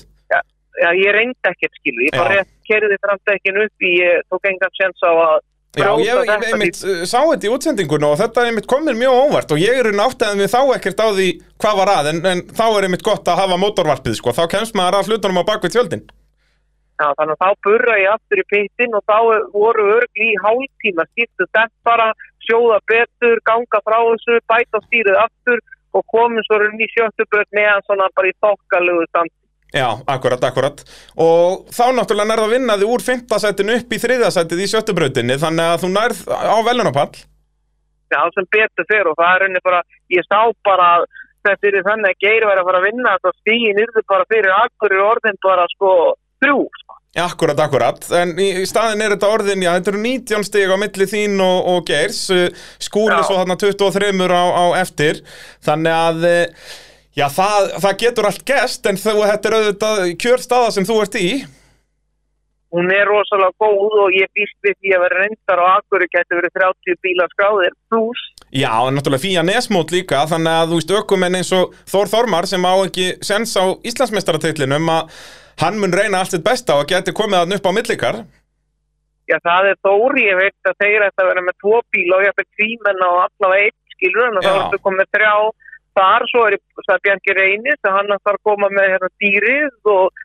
svo verður örugglega úlfarnir og svo, þó þeir séu kannski öðrum flokk en þeir keppar samt í okkar flokk Já, en Líka ekki eins og náttúrulega ef, að- ef að sérúbúinu göttubílaflokkur mun gilda sem hann sennilega gerir ef að Bjarki kemur líka að þá náttúrulega vera þeir í, í modified flokkum Já, já, sannilega en allavega sko, svo get ég trú að verður ekki að tala með þessi frá Fellabæja að mæta Gulli og Bjart Þóra, þeir ætti að mæta með sína og Já, er, það- er það málið? Það er náttúrulega tveir mánuður í keppni það var náttúrulega geggjað að sjá þá þarna á, á staðnum með, með nýsmíðina en, en þá eftir að setja nokkra skrúin í þá Já, þannig að ég get alveg trú að þessu 25 bíla í sérumbúna flokknum þó maður viti náttúrulega ekkert hvort að útlendingar þegar þeir koma nossar þegar síðan þess að skrási í Íslandsmóti en þú ert með 20-25 bíl í sérumbúna flokknum og þú þarft að vera á pakti þannig að þú klúður að þú getur bara fallið bara niður í skilur 15. sæti í Ísland Já, nákvæmlega, nákvæmlega og minnsta bilun og svona að- að- þetta er fljótt að gerast, bara eins og geirivert var ekki alveg svona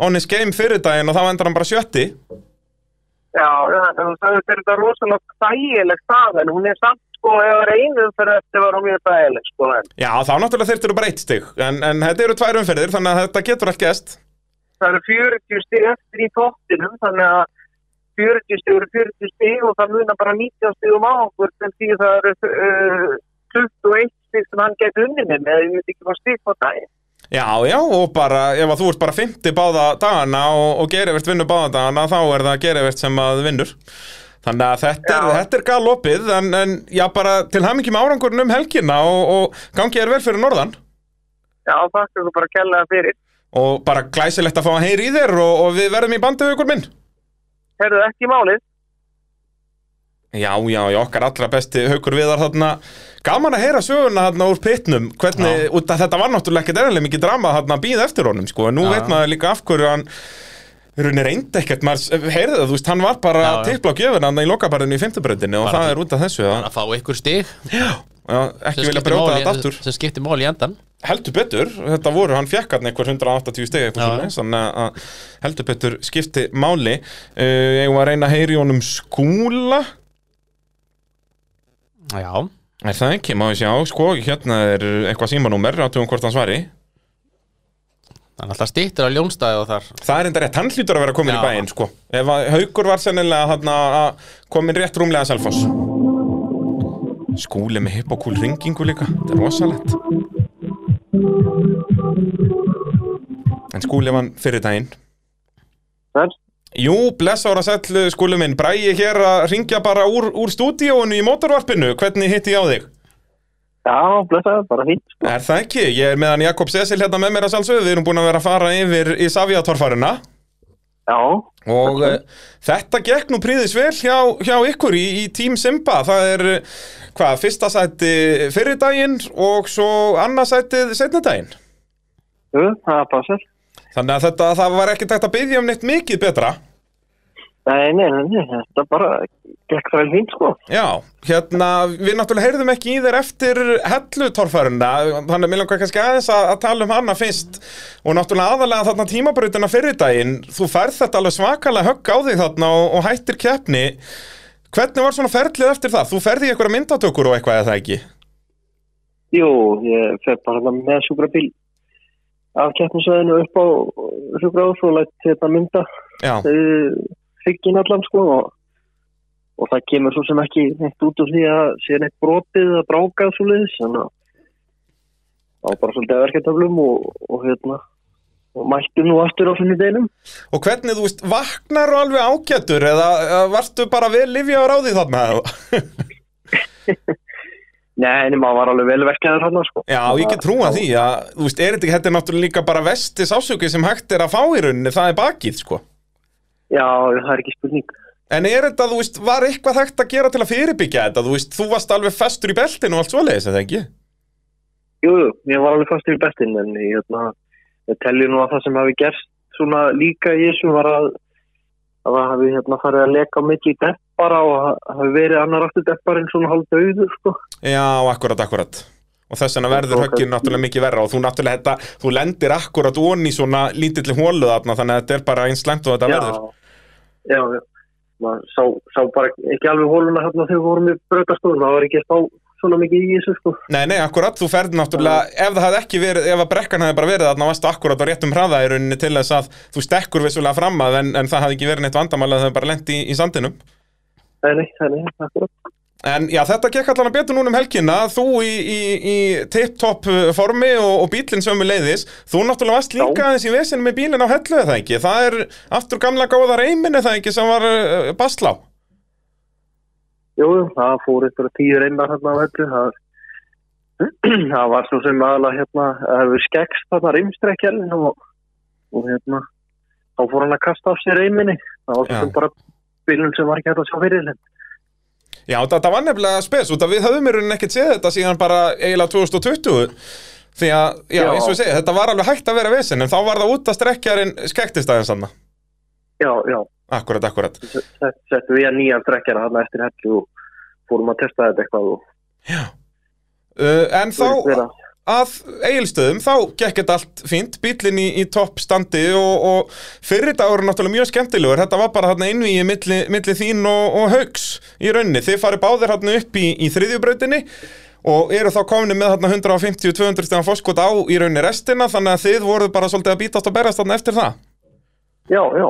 Uh, hvernig fannst þér sérst út af Ísæri þriðjubraut þú ert uh, svona í, í miðjum pakkanum í rásröð það er enginn búin að fara þarna upp þegar þú kemur í, í brautina en það eru margir búin að rulla þarna í raun allir nákvæmlega eins í lokabarðinu mjög áhugavert þannig að varst Já. alveg búin að ákveða sérst, út af því hvernig þeir fóru í þetta þú ætlaðir í sérst hægra megin í barðið Nei, ég var svo sem búin að ákveða þá línu bara í bröðarskoðunum. Ég fannst um gefa manni meiri möguleikað. já, akkurat Þannig að og það heldur betur skiljaði sér og bara nóg afl og, og bílinn flög upp. já, já. Það var Eh, alveg- Svo fymtabrautin, það var svona tækifæri hjá þeir að, að í rauninni svolítið stinga hauka af því að haukur missir af endarhliðinu, bílinn fer öllítið til vinstri. En þú kannski svona orðin, já hvað, er þetta að segja of gráður? Þú ætlar bara, þú í rauninni miðar bílum bara á mitt endarhliðið og, og fer því ekki upp. Já, ég kannski tók, tók aðeins og frönga beigir þarna niðri og, og alltaf stefna hún náttúrulega bara í gegnum hliðið. En, en það var bara aðeins og mikið grafið úr þessu. Já, Þannig það er að maður raunni, kemst beint upp. það hefði, hefði þurft að fara öllítið lengra til vinstri. Já, sálega. En það er rauninni kom ekki að sög því að eins og ég segi, Haukur fær bara 251 og þú, þannig að- að það var ennþá þarna Já. bara 10 stegu á, á millikar. Uh, Fymtabrautin, náttúrulega áhugaverð, enginn fer þar upp, uh, heldur að þetta hafi verið fært? Mm, mm. Já, já, ég held að það hefði alveg verið hægt að maður farið svolítið hraðar í þetta. Já, Það hefði maður sjálfsagt komist aðeins lengra upp fyrir kantinn, sko. hversu oft En- svona sem torfaraukumaður væru til í að fá að reyna aftur? ég myndi halda að það væri ansi oft svona, nei, please, má ég fara öllítir hraðar? Já, það er stundum áhugavert að það Já. sem maður myndi fá að keira einu sinni enn, þá- þá myndi maður örgulega breyta ímsu, sko. Ég held það sko, ég held, þess vegna held ég að torfæran veri fullkomin sem sko að búa til tölvuleik um Því að þú getur verið að Já. prá, prófa ít á restart-takkan sko, það er algjör snild Það vantar alveg hann, sko. Það vantar alveg hann, getið þið ekki græjað hann hann á ljónstöðum, þið getur nú græjað hann sem mikið Jú, við fannum bara í þetta, sko. Þið farið í þetta, hafa restart-takka í malaborðinu, þetta er ekki flókið Já, En hérna, þannig að þið eru hann fáið svipaðan stegafjölda þú og Haukur í, í fymtubrautinu Þannig að hann var aftur bara þessi tíu steg Nei, þá var Haukur, hann grætti 20 á þig Þannig að hann er komin 30 á undan þér Þannig að Já. þú hefðir í rauninni þurft að græða þrjár sekundur á hann í, í tímabrautinni uh, Hvernig var, fórst þú á undan eða eftir Hauk í tímabrautina? Ég man það ekki ég, ég, ég fór undan honum. Já, förða undan, Þannig að þannig að þá, það... Beitt eftir mér. akkurat, akkurat, þið voruð alltaf hlifið hlið og þú á undan allan daginn Já. uh, Þannig að þá náttúrulega þýðir ekkert annað en bara eh, full helviti sverð Já. já, já, það var bara tek, tekin ákvörðum að keira þetta svolítið þétt og, og vel bara og, og hérna, svona að sjá hvað það myndi skila. Já, Ekki, ekki að vera eitthvað allt og brjálagur, sko, en nei, er það ekki líka yfirleitt bara besta leiðin í tímabröðunum að, að, þú veist, Geiravert talaði svolítið um þetta hérna eftir, eftir hellutorfaruna að, að það er yfirleitt hraðasti tíminn sem er svona, jú, bara þéttur akstur en ekki svona þessi óþarfa hamagangur. jú, ég held að það sé ekki spurning. Það var það minnilegur og missi bílinn í eitthvað slæt lengst út fyrir braut eða eitthvað vissum, sko. Og þessi tímabröð náttúrulega svona nokkuð þröng og svona, þannig að þetta var, uh, þetta var krefjandi. Já, já. Og þú nær náttúrulega alveg mun betri tíma en haukur, við vorum að heyri honum áðan og hann var ennþá eitthvað svona laskaður eftir veltuna, bæði, bæði hann og bílinn, þannig að hann gæti ekki alveg beitt sér og, og þú nær þarna hvað 6,5 sekundu betri tíma, þannig að vinnur hann nokkuð öruglega í endan en, en svaka slagur millikar allan daginn. Já, þetta var alveg hörkuð kefni, bara gaman að þessu. Uh, Þú, við tölum um þetta áðan með rásröðuna, þú varst alltaf á undan honum, þið eru dregnir hann hlifin hlið í rásröð. Uh, Já. finnst þér þetta betra? Finnst þér betra að leggja línutnar eða, eða finnst þér þægilega að, að anstæðingurum fari á undan þannig að hún getur séð hvað hann gerði? Eh, ég held að skipti nú ekki alltaf rosalegu máli sko, en maður, ef maður er svolítið með sína línur sko, þá reynir maður að fylgja þeim bara og Já, en auðvitað akkurat. náttúrulega stund, stundum rosa mátt að geta ekki séð hvað, hvað hinn ætlar að ná langt eða að gera sko, Já, það er tímabrökkum og svoleiði sko, já, þú veist, þannig að þú ert kannski meira á þeim vagni að, að það er að þér finnst þægilega að sjá hinn fara fyrst og, og náttúrulega ef hann fer einhverja aðra línu sem að virkar ekki að þá bara getur staðið en það fastar á, á þinni línu í rauninni. jú, jú, það er náttúrulega alltaf betra sko, Uh, svo kemur dagur tvö og, og þú svona heldur áfram í toppslagnum en það var þarna ein braut var það ekki önnur brautinni og þar ferðu ekki upp sem að flestir fara upp í, í toppslagnum jú, jú, það passar. Hvað gerist þar? Eh, Það, þú er unni, þarft aðeins að slá af til að hafa rétt að stefnu og svo bara kemst ekki alveg upp endalið Já, ég held ég að fari bara aðeins og hratt í fyrra stálið og þá lendi ég svo ofalega Já. en þegar ég byrja að gefa í að þá er boppanna bara komin í í í jarðvegin og, og, og kýtast bara fastur þar sko. Já, akkurat, þú nærði ekki í rauninni að byggja upp nægilega mikla ferð fyrir í rauninni loka hliðið út af því að þú stekkur svo upp Nei. fyrra einmitt. Og þetta er náttúrulega eins og Ég- hlutum sem er ómögulegt eitthvað að það er ekki hægt að skrifa þetta sé einhver pjúra vökumannsmistök en, en hérna svona frekar kannski óefni þau bara eina millisekundu minna á gjöfinni og þú hefði farið upp í, í gegn mendalið. Já, já, það er bara þannig sko.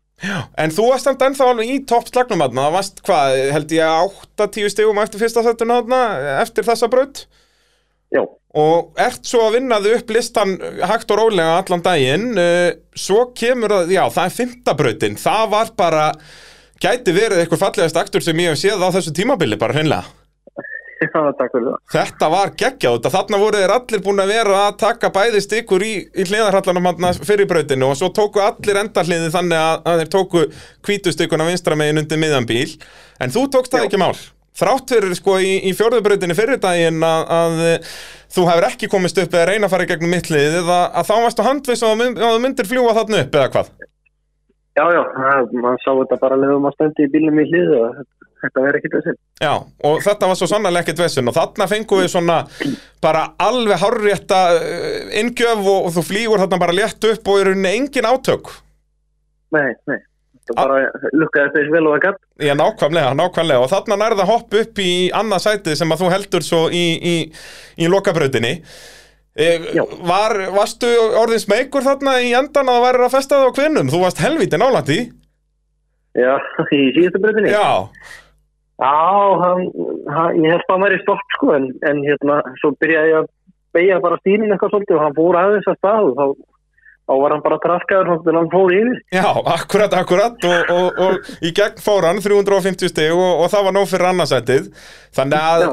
það er svona komið e- e- eitthvað líf í Íslandsmótið þú ert núna hvað, 23 á eftir hauki þannig að þú átt allan að möguleika Já, já, það, það er maður allavega komin aðeins inn í þetta aftur.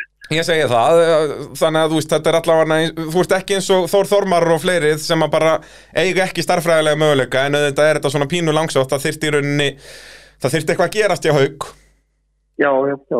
En það er náttúrulega skemmtilega við Fía Nes mótið eins og við erum búin að vera að tala við um, um keppendur núna að, að, að þetta er uh, Fía Nes þannig að þetta er uh, þú hefur annað að vinna þarna, þú hefur náttúrulega annan titil að verja Já, já, já, já. það- það þarf að verja Norðurlandamestaratitilin alveg eins og Íslandsmestaratitilin Já, það verður að reyna það. það er svolítið svoleiðis þannig að, að þó að hún náir ekki Íslandsbyggarnum að þá hefur, hefur eh, annan, annan byggar að vinna þannig að þú myndir reyna Já, já, væntanlega það er- allt, þitt- allt þitt besta á, á Akureyri Já, já, við mætum alveg 100% þar sko. og við höfum nú séð það líka að þegar að bílinn hangir í lægi þarna fyrir norðan að, að þá ertu nánast óstöðvandi þannig að þetta getur orðið helviti áhugavert Já, við bara getum ekki beðið eftir að, að fylgjast með fyrir norðan og, og bara til hamingi með árangurinn um helgina og, og gangiði vel á Akureyri og takk fyrir að heyri okkur já, takk fyrir. heyrumst og sjáumst, bye bye Segð það, ok, bye. já, já, já, já, já það er uh, alltaf gaman af skúla sko og, og, og hérna hann, hann greinilega hefur ekkert mjög gaman af því að fá mikið af hrósum Þegar við tölum um hvað þetta var gullfallur akstur já, jú, takk, takk hann er, ég elska hvað hann er hóvar og dásamlegu drengur það er nú bara svoleiðis, Ég er en ég held að það sé líka líkillin að árangri í torfæru sko Ég er svona líka alltaf þegar einhver hrósar mig fyrir vídeo en þá bara veit ég ég, ekki hvernig ég, ég á að sko. gera ég veit ekkert hvernig á að hafa, mér bara já, já, jú, já, já, takk, takk En mér var samt alltaf áhugavert að eða það var, ef þú getur fyrir aftur fyrir einu sinni þá mætti fara eina braut einu sinni aftur ég veit það, hann verið gegn ef að þú veist, samt ándjóks En hvort það væri var, ekki, væri ekki hægt að setja þetta í reglur og því að veist, þá er spurningin sko, segjum og fáir bara veist, 150 stíði fyrir, fyrir, fyrir skiptiðinni Mhm. og þú myndir fá kannski bara 100 stíði setna mynd, hvort myndir setna þá gild þyrfti að gilda Já, setna veist, þyrfti að þú gilda getur ekki besti árugunum gildi Nei, þetta Það er er- þannig, þú fengir bara hver aukumaður fengi einn tóken í Já. kefni Já, Mhm. þú já. getur spilað þessu spila einu sinni í hverju kefni það eru sex brautir, þú fengir eitt þetta er bara svona eins og jókerringur í rallycrossi basically Já, já. fengir eitt sens á að fara, en þetta, þú mættir ekki nota þetta sem eitthvað svona ef bílinni bílar og kemst ekki í brautin, þetta þyrfti að vera þannig að, að þú, verður að fara í þú verður að fara í brautina Mhm. brautin á þínum stað og, en það þyrfti þetta að vera þannig það þyrfti þá að reyna að fara síðastur já en þá náttúrulega ertu að græða þú veist, þá myndu allir spila þetta taktíst rásraðarlega séð skiluru Ég held að það var ekki, ég held að þetta þyrfti að vera þannig að þú þyrftir að keiri burtu frá brautinu og fara strax aftur.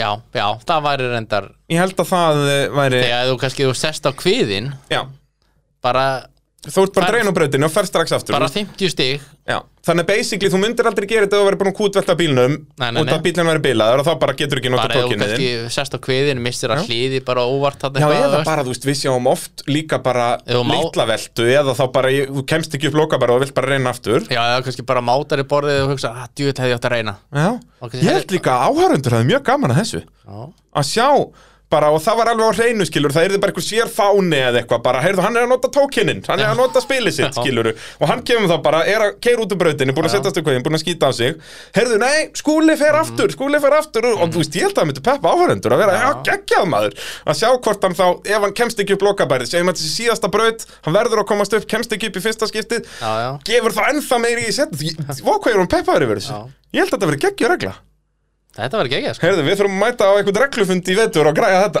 maður hugsaði alltaf eins og núna þegar ég var að kera heim þá, þá fer hugmyndaflug alltaf á flug sko. ég elska langar keistlur Maður fyrir að pæli svo mikið að breng- brengluðum hlutum sko. ég fór um þetta að pæla sko, eins og Akureyri og Nes og þegar við erum alltaf að reyna að koma þessu þetta væri alltaf svona American show Veistu, ef að, þá að kynna alla keppmendur svona þessi handbóltaskilur Já, Númer 199 Já, senda, heyrðu, býtu Það þarf að setja þetta lag undir Ég veit allan um eitt sem að getur sem ég myndi pottið fara þetta, það er hann Bessi Já, Bessi myndi hólkast upp, sko, heyrðu, býtu Ég þarf að setja þetta inn sko eftir á þannig að við munum ekki heyra lagið En, Ja- Jakob, þú bara ímyndaðir hvaða lag þetta er Það kemur þetta lag undir Ég man að þetta var alltaf spilað, þú veist, á ásvöllum í, í handboltanum, sko Og svo bara Númer 16, Haugur Viðar Einarsson Númer þetta, Geir Evert Grímsson Númer 93, Skóli Kristjánsson Og þeir væru svona að keira inn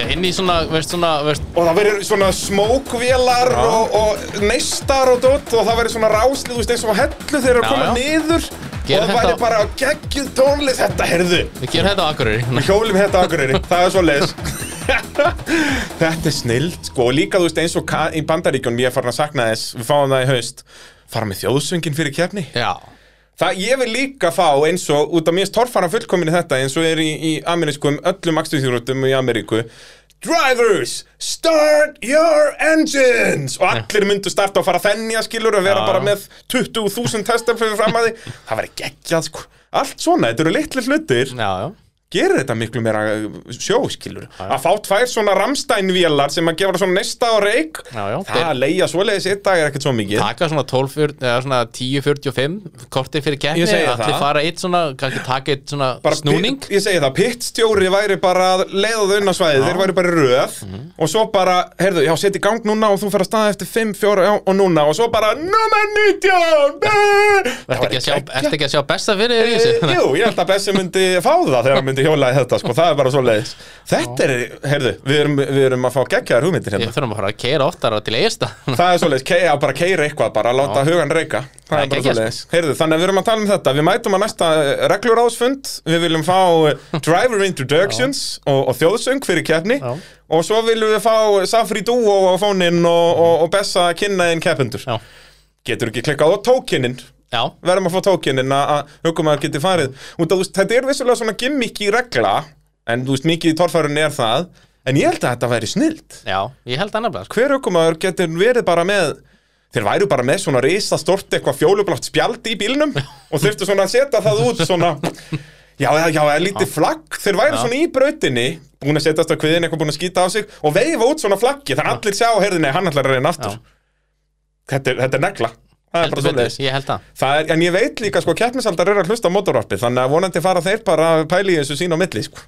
Já. ég, man, ég og Ívar töluðum svo mikið um það í fyrra um rallycrossið að þurfti að breyta stegarreglunum að því var breytt Já, Vi, Við erum áhrifavaldar, Jakob heldur betur Við komum samt aldrei í DFF Kom, hei, hei, það, Ég komst í DFF Já, reyndar, Já, ég sagði það já, já. blessaða vertu Það er núna, er, þetta er alltaf í rétta átt hjá mér sko að ég vil að vera gert grína mér í áramandasköpi Það er bara mitt lífsmarkmið Þannig að þetta er ánægðan fyrsta skrifið já, Það er bara svoleiðis, ég er að vinna mig upp stegan það kemur allt Þetta kemur allt saman, eh, ég þakka ykkur kærlega fyrir að hlusta áhörundu góðir. Þetta var allt saman í bóði AB var að hluta bíljöfurs bílapunktsins, ólís og tækjaflutninga Norðurlands.